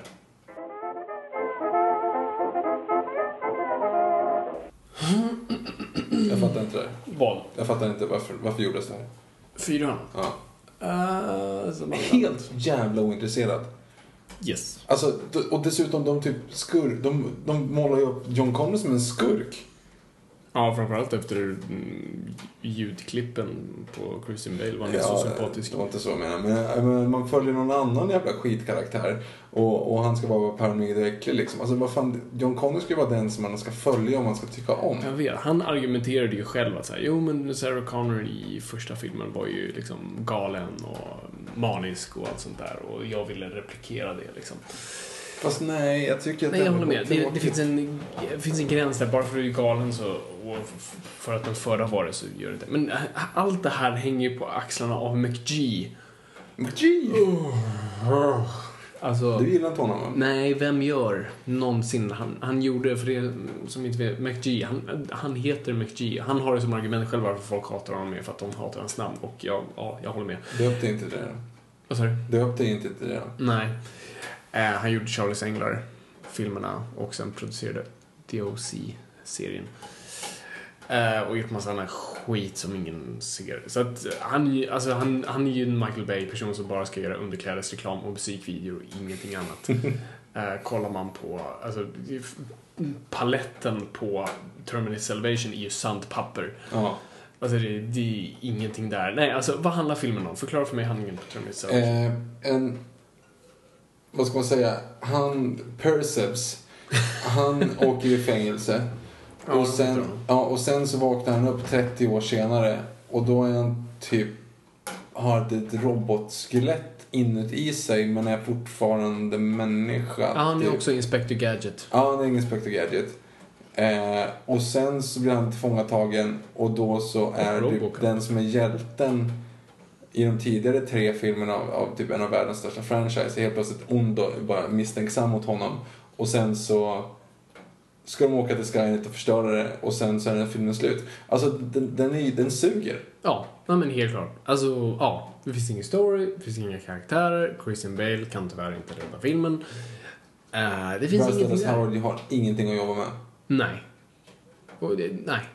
Totalt. Effekterna, effekterna är, är, är väldigt snygga så. Ja. Men, men alltså actionscenerna är, ju- är ju så jävla tråkiga. Ännu en gång, ingen framåtrörelse utan bara så här coola set pieces. Bara, mm, Sen funderar man också på, man vet, alla vet ju att John Connor kommer ju vara liksom Messias. Ja. Alla vet ju det. Det, Mm. det borde ju hela den världen veta liksom. Varför skickar man då honom typ ensam i en helikopter mot en kärnvapenexplosion? Dum idé. Varför sätter man inte bara honom i en källare någonstans? Bara dö inte. Dö Alltså, inte. Du var skickad här för att typ tipsa oss om så här, hur vi fightas bra. Inspirera oss, håll dina tal. Men gå inte ut. Nej, och så Kyle Reese ska ju vara med och det ska vara någon sån här lite så här. Ja, det, är- eller hur? Det slutar med det att han skickar tillbaka Kyle. Att Nej, han, jag kommer han ska inte ihåg. skicka Kyle Reese, tror jag. Jag för mig att det är någon sån här... Jo, nej, han ska skydda Kyle Reese. Det är det Ja, det handlar om. Eller hur? ja. De hittar en ung Kyle Reese. Precis. Typ en tonåring, Ja, så som är ryssen i Star Trek. Eh, och det är det... Ja, nej, det, jag, jag, jag fattar. Och då det är War of the Worlds eh, plotten. Och han, de går omkring och samlar in människor för att Ja, använda dem precis. som typ Harvest. Mm. Och så är det så här, de har ju Arnold med. Fast ändå inte Arnold. Fast ändå de inte. har animerad de, de Arnold. har animerad Arnold eh, som han slåss mot. Och det är jättetråkigt. Jag tror till och med Arnold själv inte diggade den. Nej men och sen också att han kommer ut där och så skickar de en, en raket i ansiktet på honom så att han direkt blir endoskeleton. Och säger, Mm. ja okej, då hade du inte behövt göra det men... Nej, nej, nej. Nej, det, det, det finns ingenting där. Tyvärr. Jag kan inte, nej, nej. Nej, jag, jag, jag fattar inte. Vad, jag blev så jävla besviken när jag såg den på bio, även fast jag inte hade några förväntningar alls. Nej, nej precis. Man gick därifrån och bara... eh, Alltså, man kände Ja, ingenting. det var va? två, man, två timmar av mitt liv jag inte fått tillbaka. Ja, men det var verkligen... Du, du hade inga känslor alls. Du var liksom John Connor. Du bara kände dig lite smått paranoid och död inombords. Ja, nej, jag bara Så att, eh, nej. Glöm det. På, bara ledsen. på en gladare not. Eh, allt kan ju kopplas till Batman. Det kan gång. Och vi har ju faktiskt två kopplingar, ganska simpla kopplingar här. Vi har Arnold Schwarzenegger, Mr. Freeze i Batman och Robin, en av de sämsta filmerna som någonsin gjorts.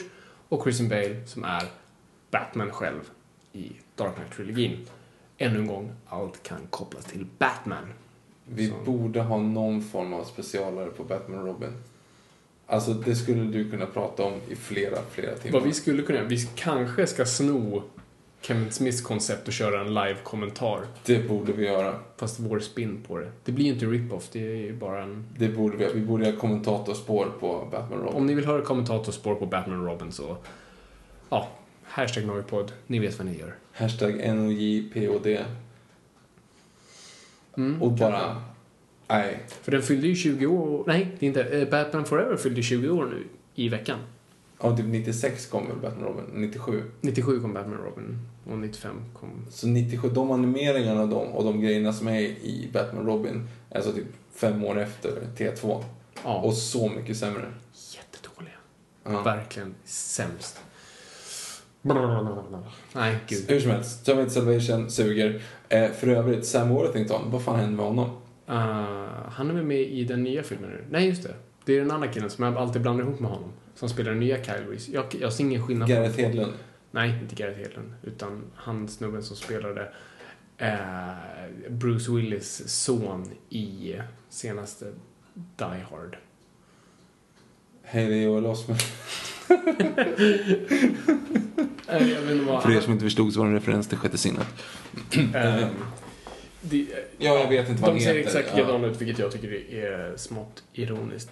Um, Båda lika dåliga skådisar. Alltså grejen var ju att Sam Worthington det året skulle ju vara the shit. Men det är det, vet du vad jag tror? Min teori, och det kanske är bekräftat någonstans, det vet jag inte. Eh, men min teori är att de skulle göra Terminator Salvation och de gick till James Cameron och James Cameron sa fine, gör det här, ni har varken min välsignelse eller fördömning. Men jag har ett krav. Okej, okay, fine. Jag kommer H- snart lansera... Avatar. Jag kommer snart släppa Avatar och jag har den här killen som är okänd. Ta in honom och liksom, så han får lite star pow- power innan. Det, det tror jag är anledningen. Och då tog de också honom till um, Perseus. Percy Jackson och Lightning Thief. Vad heter den? Clash of the Titans. Clash of Titans. Ja, herregud. Ja, det är... Det är illa. Den, den, den är illa. Ja, båda två. Det är ju med uppföljare dessutom. Det är ju det som är så roligt, hur, hur, någon, hur någon verkligen så här surfar på en succévåg. Och där var ju då precis 3D hade kommit ut. 3D blev jättesuccé, mest på grund av att det bara höjde biljettpriserna. Och Clash of the Titans var precis i, i så här post-production när Avatar släpptes. av. Fan, det här är ju skitbra. Vi, vi kan höja priset med 50 procent. Precis, vi, vi, vi postkonverterar den här filmen, vilket de gjorde, och folk typ kräktes. För det var så jävla dåligt eh, postkonverterat, folk verkligen, alltså typ bokstavligen kräktes. Eh, Det är också så Och det är sjukt. därför den fick en uppföljare, för de trodde att den fick mycket pengar på grund av att den var populär, men det var den ju inte. Nej, det är så sjukt att de gjorde det, att de inte fattade att folk inte ville se den egentligen. Alla hatade den, de gick ju bara och såg den för att det var, de trodde att det skulle vara 3D. enda den tog med sig är “Release the Kraken”. Mm. Ehm, Och det skägget som Liam Neeson har där. exakt. Det är väldigt roligt. Jag vet inte om jag nämnt det här förut, men visst är det ganska roligt? Alltså, Liam Neeson är ju liksom så här populärkulturfavorit. Alltså, säger inte Ra's al Ghul att Mm. han I had a family once. Ja, They were taken from me. ja exakt. Så hypotetiskt det har gjorts så, många memes som Precis, så Taken är ju en prequel till, Till Batman Begins. Skulle kunna vara, skulle kunna vara. Ja. Han gick, i, gick med eh, League of Shadows efteråt. Mm. Och han knappt behövt det, för han, alltså, nu vet jag inte ens vad den karaktären heter i Taken. Jag antar att den heter Liam Neeson, liksom. Eh, hade ju spöat skiten ur Batman. Mm. Vem hade vunnit? Liam Neeson i Batman eller Liam Neeson i Taken? Hmm. Alltså, Batman vinner ju överallt. Nej, alltså jag menar Ja, jag Russell. Gould då. Ja. Men jag kommer dit, men Mm. Batman vinner ju överallt. Och Russell Gould slår ju Batman i början i alla fall. Mm. Så det känns ju som Russell Gould, för han är ju liksom the martial art guru. Jo, han slår Liam Neeson om Liam Neeson, eller han slår Liam båda Liam Neeson. Han slår Taken Neeson Okej. om den Neeson inte har en pistol. Okej, bra. Då är det- Snabbt nu. nu då, det var det en kvartsfinal. Då har vi en andra. Ja. Vem slår eh, Liam Neeson som Qui-Gon Jinn eller Liam Neeson som Schindler? Hmm. Fort. Ehm, det- Schindler för att Qui-Gon Jinn dör. Okej, ja det, det gjorde ju faktiskt Schindler också. Han dog ju dock av, av ålder. Ja, precis. Mycket senare dock. Ja. ja. Okej, bra. Då var, det var de. Då möts de tillsammans då. Då möts de ihop. Mm. Så då är det alltså Russell Gould mot Oscar Schindler. Jag tror Russell Gould. Du tror det? Mm. Och då när du tror att du har redan spöat bossen. Du Mm. har spöat Oscar Schindler och du är på väg att säga okej nu har jag klarat spelet. Men då reser sig det där upp. Och så helt plötsligt har det blivit Liam Neeson i Love actually mot Russell Gould. Vem vinner? Ja, shit. Nej, det är nog Love actually. För att han ser, kollar i hans ögon och bara gråter. Ja. Alltså, vem gör inte det? Nej, inte. Och han har den där sonen som smälter allas Fast det är inte ens hans son. Där är det. Nej, hans adoptivson. Är det? Han är tillsammans med sonens mamma bara. Jag trodde de var... Nej, det är de inte. För att det är det som är lite grejen också. Det är därför de är lite så här... Ja. De är inte riktigt connectade. Nej, precis. Ah, fan det, den, den, jag älskar Love actually. Den är så jävla bra. Ja, det, är- det är en riktigt bra film. Den går, nu, den är typ börjar gå nu varje jul och jag, jag är först där för att kolla på den. Jag tycker Ja. den är hur bra som helst. I Love actually är riktigt bra. Alla andra sådana där suger dock. Alltså typ, vad heter det, Valentine's Day och New Jo, jo, Year's men det var ju bara rip-offs av den modellen. M- Movie 43. ja, det var ju inte riktigt det, men... Kanske Mm, inte riktigt en rip-off av, av just den. Ja. men, ja. Det här var Terminator-podden, va? Mm, ja, det var det. Just det. Ja, vi, så, vi, vi hatar Salvation. Det var, Ja. det, var det. Men, vi hatar Salvation, men vi gillar Love actually. Älskar Love actually.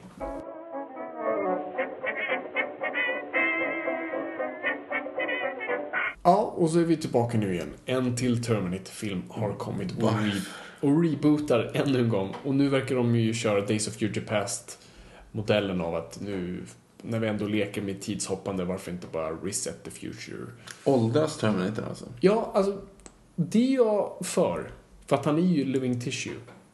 Men föds han som typ 35-åring? Jag har ingen aning. Men jag, Han byggs ju. jag köper konceptet av att han kan åldras. Okej. Istället för att ignorera det som i Terminator 3. Det här är samma modell. Ja, jo, det, det, det är sant. Så att, låt dem hållas, det är lugnt. Men alltså den trailern var bland det sämsta jag sett. Ja, jag håller med. Den, den visade precis allting. Ja, alltihop och inget som var så här roligt. Nej, jo, eller den visade, den visade Come with if you want to live. Den visade I'll be back. Den visade Ja. liksom Och det är ett dåligt skämt också. Han, vad han ett dåligt skämt. Projektilmissil rakt ner i någon helikopter. Vi kanske får ta tillbaka det här stenhårt efter att ha sett Det här är skitbra. Vi, alltså, mm, vad vi vet kan den här filmen vara nya Citizen Kane. Det har vi ingen aning om. Är det sant? Så att, Jag tror inte det. det tror inte jag heller. Men alltså, det enda jag taggad alltså Emilia Clarke verkar vara en bra liksom, Sarah Connor. Mm. Tycker jag. Sen tycker jag allt annat är felkastat. Jag gillar inte Kyle Reese, jag gillar inte John Connor casting. Jag gillar inte Arnold Schwarzenegger. Jo, men han får väl göra det. Ja, det är klart han ska. Vem är det som är Carl Reese? Jag vet inte ens det. Nej, men jag sa ju det. Det är ju han som, han som ser ut som Sam Worthington. Som jag blandar ihop. Ja, det var det. Mhm. Fast var det han, var det det du refererade till då? Ja, Jaha, okej. vad trodde du jag menade? Jag fattar inte. Ja, men då så. Han? Ja. Han är ju inte ens i närheten av att vara lika charmig. Nej, han är bara ja, blankt papper. Han ser ut som, ja, han ser ut som en sämre son av Bru- Bruce Willis. Och Bruce Willis är knappast känd för sina ansiktsuttryck. Ja. Ehm, nej, jag, jag är inte särskilt taggad alls. Nej, Men det är också så att det här året är ju helt jävla bananas när det gäller filmpremiärer. Mm. Och den här har jag typ glömt bort. Alltså med Star Wars, Age of Ultron, Jurassic Park, Mm. Minions. Alltså det är ju det är så jävla mycket coola eh, premiärer. Mm. Så den här och Fantastic Four, jag bara såhär, eh. Ja, precis. De, de har gått lite i glömska och på något sätt skuggas av de här andra filmerna. Ja. Ja, jag vet inte. Det är... Ja, man kommer väl se den, men ja, nej, det, det, jag kommer inte springa till biografen i alla fall. Nej. Så det är... Ja, men vi får se. Vi kanske får äta upp de här orden nästa gång. Vi får se. Men, eh. Nej. Mm. Men jag säger så här, vad tror ni? Hashtag Noipod och dela med er av eh, era förväntningar. Eh, Och framförallt favorit Terminator-film. Svårt. Alla kommer säga T2, för det kanske inte ens är... Eller säg så här, finns det någon som inte har T2 som favorit Terminator-film? Hashtag Noipod. Jag tror inte att det kommer hända. Men, eh, men det vore kul om att höra era åsikter. Alltid kul att höra era åsikter. Ja, det är för jävla roligt faktiskt. Mhm, mhm, mhm.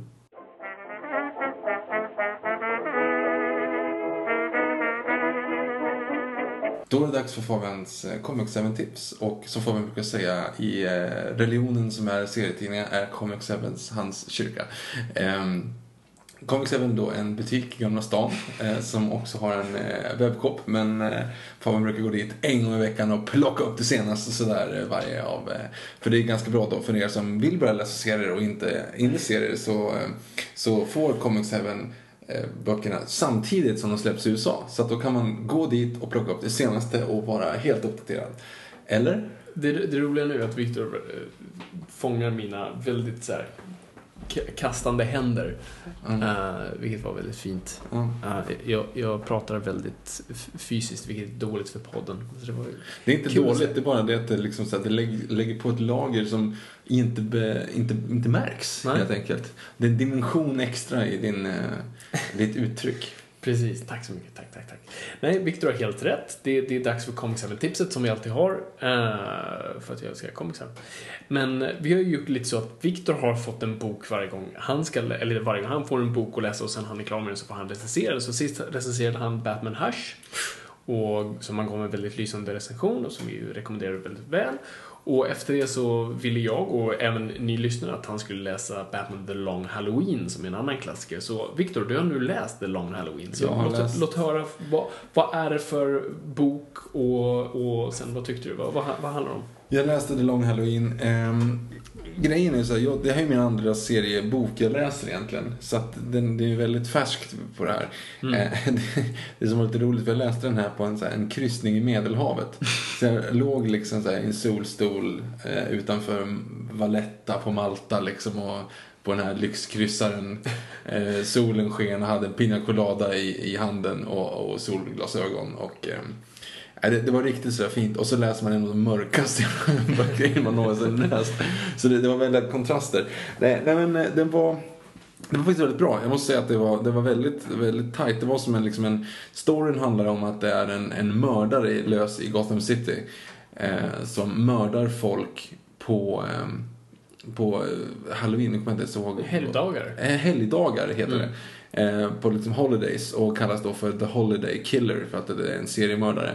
Och Batman ska försöka knäppa vem det här är och det faller sig så också att det är typ bara, för det finns två stycken rivaliserande gäng i Gotham. Eh, eller ja, två stycken familjer är det väl egentligen. Maffiafamiljer. Maffiafamiljer. Och de, knäpps, de knäpper folk i de familjerna. Så att det är ungefär som att man ska starta ett, gäng, gängbråk liksom. Så att eh, det är jättemånga som jagar den här Holiday Killer och det är mm. en, en Ja men det är, det är en thriller egentligen. Ja det är en thriller, absolut. I sin renaste form. Ja. Definitivt. Så att den är, den är, eh, nej men det, jag tyckte faktiskt det var väldigt spännande. Spännande, bra det är schysst upplagt och, och, för er som inte liksom läser serier kan jag rekommendera för att typ alla skurkar är med. Precis som i Hush så var det liksom så en kavalkad av, mm. av Batman-skurkar. Eh, jag visste ju till exempel inte vem Solomon Grundy var. Nej. Eh, det var en väldigt cool, coolt inslag mm. i den eh, grejen. Solomon Grundy, Modern and Monday. Det, den tyckte jag var mm. rätt häftig. Eh, men i övrigt så här, alltså nu, jag är inte så här, som sagt så van att läsa och läsa serier och därför är det lite halvsvårt att ha koll på. Jag är inte van att liksom tänka på vilka folk är hela tiden. Nej, du måste ju hela tiden vara med i matchen. Liksom. Mm. Det är Falcone och Maroney. Mm, två eh, de två familjerna. Och det är ju liksom ganska många människor. Och eftersom jag inte är riktigt van med tecknarstilen heller så är det ett problem att se skillnad på folk. Och det är liksom, det är, det är en massa sådana saker, men, men det kommer man in i självklart. Mm. Jag fick läsa den två gånger för att fatta slutet dessutom. Mm. Eh, för det är väldigt mycket twistar och sånt, så det är en ganska avancerad story. Eh, det innehåller också en, en, rätt mycket med Harvey Dent innan han blir Two-Face. Mm. Vilket är en, en ganska kul grej. För man märker av det här liksom, relationen som Bruce Wayne och Harvey Dent har mm. innan han blir Two-Face. Och även den här grejen, tendenserna till att han, att han eh, skiner igenom att han kan bli ond framöver så att säga. Mm. Ond är ett sånt roligt uttryck. Um, Nej men jag gillar den, verkligen. Kul. Nej men det, det, är en av mina absoluta favoriter och en av de första jag läste. Och det är alltså, den är skriven av Jeff Loeb som då även skrev Hush och illustrerad av Tim Sale. Och det här är då ett superteam, eh, kan de, de, de har kollaborerat på eh, flera olika, de har gjort tre Batman-böcker tillsammans. Eh, så det är Batman Long Halloween, Batman Dark Victory och eh, Batman, åh oh, gud nu glömmer jag bara för det. Poddminnet. Ja, poddminnet än en gång. De har gjort tre Batman-böcker som de har gjort några, Jag rekommenderar bland annat den här uh, Daredevil Yellow som de gjorde även. Och de har gjort, och de har en färgserie då i Marvel som har Daredevil Yellow, Hulk Grey uh, och någon till. och de kommer att göra nu Captain America White. Skitsamma. Jag tycker jättemycket eh, Jeff Loeb är en av dem som för mig har en är en av de bättre på Batmans röster. Han har skrivit som jag tänker att Batman låter. Trots att jag älskar Dark Knight Returns och sånt där så tycker jag fortfarande att Jeff Loeb fångar Batman bäst för mig. Det, det, är lite så som jag alltid har sett honom. Och Batman är ju olika för alla, men för mig, det här är liksom min Batman om man säger så. Och det är en maffiahistoria som du säger. Den börjar ju exakt som Gudfadern, vilket är mm. ganska kul. Bara att istället är det Bruce Wayne som säger I believe in Gotham istället för I believe in America. Eh, som är i början på Gudfadern. Så den har ju den här... Come to me on the day of Alice Welling. Um, så den har ju väldigt grandiosa maffiahistorien. Och det, och det är ju väldigt känt att det, det här var ju den, det verket som Christopher Nolan mest tittade på inför, i alla fall Dark Knight och även lite Batman Begins. Men framförallt Dark Knight. Och det på till och med framsidan här så är ett citat av Christopher Nolan som står The long Halloween is more than a comic book, it's an epic tragedy. Uh, och det håller jag verkligen med om. Det är bara en episk story och en tragedi i sin renaste form. Och särskilt då med fallet av Harvey Dent som, mm. som vi ser på en väldigt psykologisk nivå som vi inte riktigt fått se tidigare. Uh, så jag ser, det är en jättebra ingångspunkt för folk som är nyfikna på Batman. Du behöver inte ha läst någonting tidigare egentligen. Eh, det är bara en bra story som står på egna ben och som Victor säger introducerar till alla karaktärer. Jokern med vad jag gillade verkligen ett Mm. Ja, det, är, det är ganska kul som vi ska inte avslöja det. Men absolut, bara, även de obskyra som du säger, Solomon Grundy och Calendar Man är med.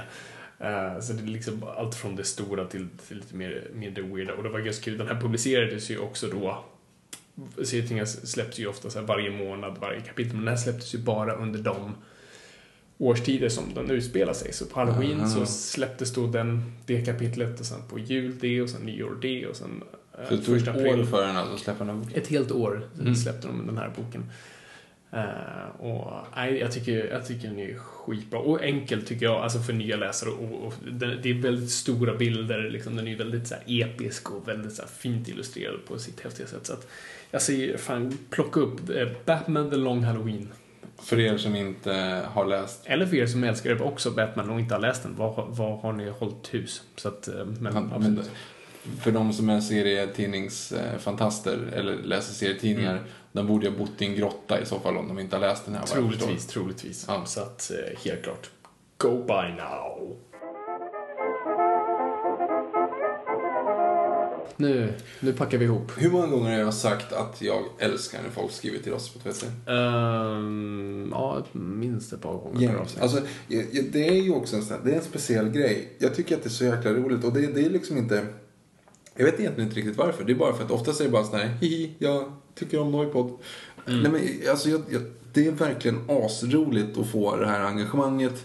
Eh, man märker av det framförallt på Twitter i och med att ehm, det är där vi också pushar rätt mycket på avsnitten. Mm. Eh, men, men det är så jäkla roligt och ni får gärna, gärna bara ge feedback, säga hej, vad fasken som helst. Mm. Eh, Engberg, Viktor och Fabian Nordlander.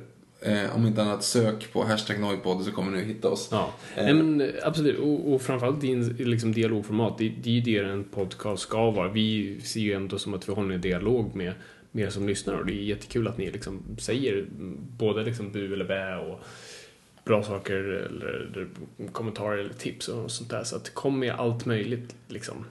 Oh ja, och Förutom sen... spam. Spam kan vi vara utan. Ja, spam kan behöver vi inte. Eller, har, eller, har ingenting annat så... eller Hitlerjugend. Håll, håll det borta. Ja, just det. Jag tror att vi tonar ner Hitlerjugend. Mm. Eh, nej, men det är jättekul. Vi finns också på Facebook. Där delar vi upp mycket. Fabian skriver en del artiklar för Moviesin. Eh, så där publiceras också de. Så om Mm. vill ni ha, hänga på vad Fabian eh, skriver och så, så finns ju Facebook-sidan. Jag finns på Instagram. Jag lägger typ upp rätt mycket, men ing, får ingen respons. Som sagt. Så att, jag tror jag har lagt upp nu. Noipod-relaterade Ja, grejer. Norrpodd-relaterade grejer är liksom, det, ingen, Mm. alla har tröttnat på mig där så att jag har liksom inte, så där, undvik den liksom. Mhm. Ehm, men det är superkul. Mm. Sen får ni jättegärna, om ni ändå är i farten så, och beroende på var ni lyssnar, så är ni inne på iTunes, lyssnar vi iTunes, får jättegärna rate oss. Rate vi, oss, För vi kommer upp lite grann. Ehm, det, det vore jättekul om vi eh, bara får lite recensioner lite så. Det, det, Ja, det är alltid bra. Skadar inte. Om det inte är ettor såklart. Ge oss inte ettor, då behöver inte. Hatar ni oss kan ni ju undvika att det är ju en som har gett oss en etta som sagt. Jag vet. Men det är, det är ju rent hämndbegär. Ja, jag, jag, det tror, jag tror det. Det måste vara någonting sånt. Eh, för det, jag, jag tycker inte att vi är värda en etta, det tycker jag inte. Nej. Vi kanske inte är topp, topp. Men en etta är vi inte. Nej. Det kanske, det kanske var omvänt. Kanske ville ge att vi är nummer ett. Vi är nummer ett. Tummen upp liksom. Ja. Eller så är det kanske, Ja. kanske stammar. Så ett sprut är lika med två, bara en gång. Så. Japp. Kyllingreferensen. Yes, yes, Ja. yes.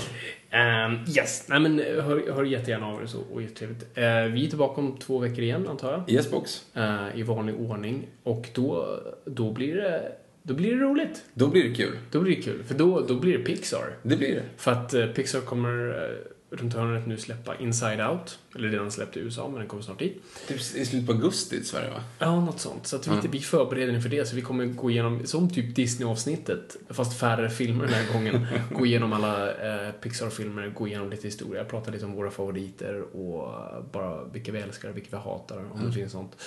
Och bara köra, köra det. Så eh, då wrappar vi upp där. Jag eh, sticker till Almedalen i helgen så att jag kommer ju Inte av politiska skäl. Eh, nej, jag ska jobba.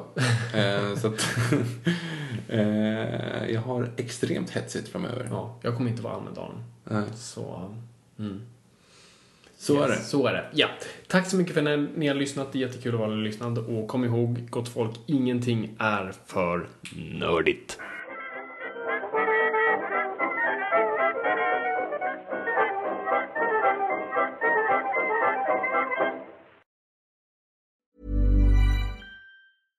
Flexibility is great. That's why there's yoga. Flexibility for your insurance coverage is great too. That's why there's United Healthcare Insurance Plans.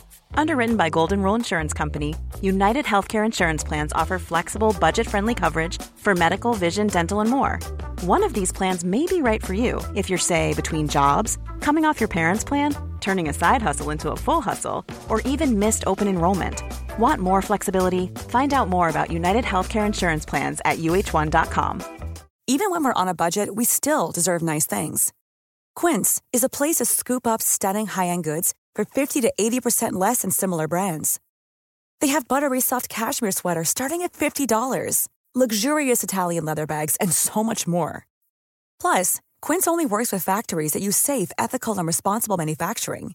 Get the high-end goods you'll love without the high price tag with Quince. Go to quince.com/style for free shipping and 365-day returns.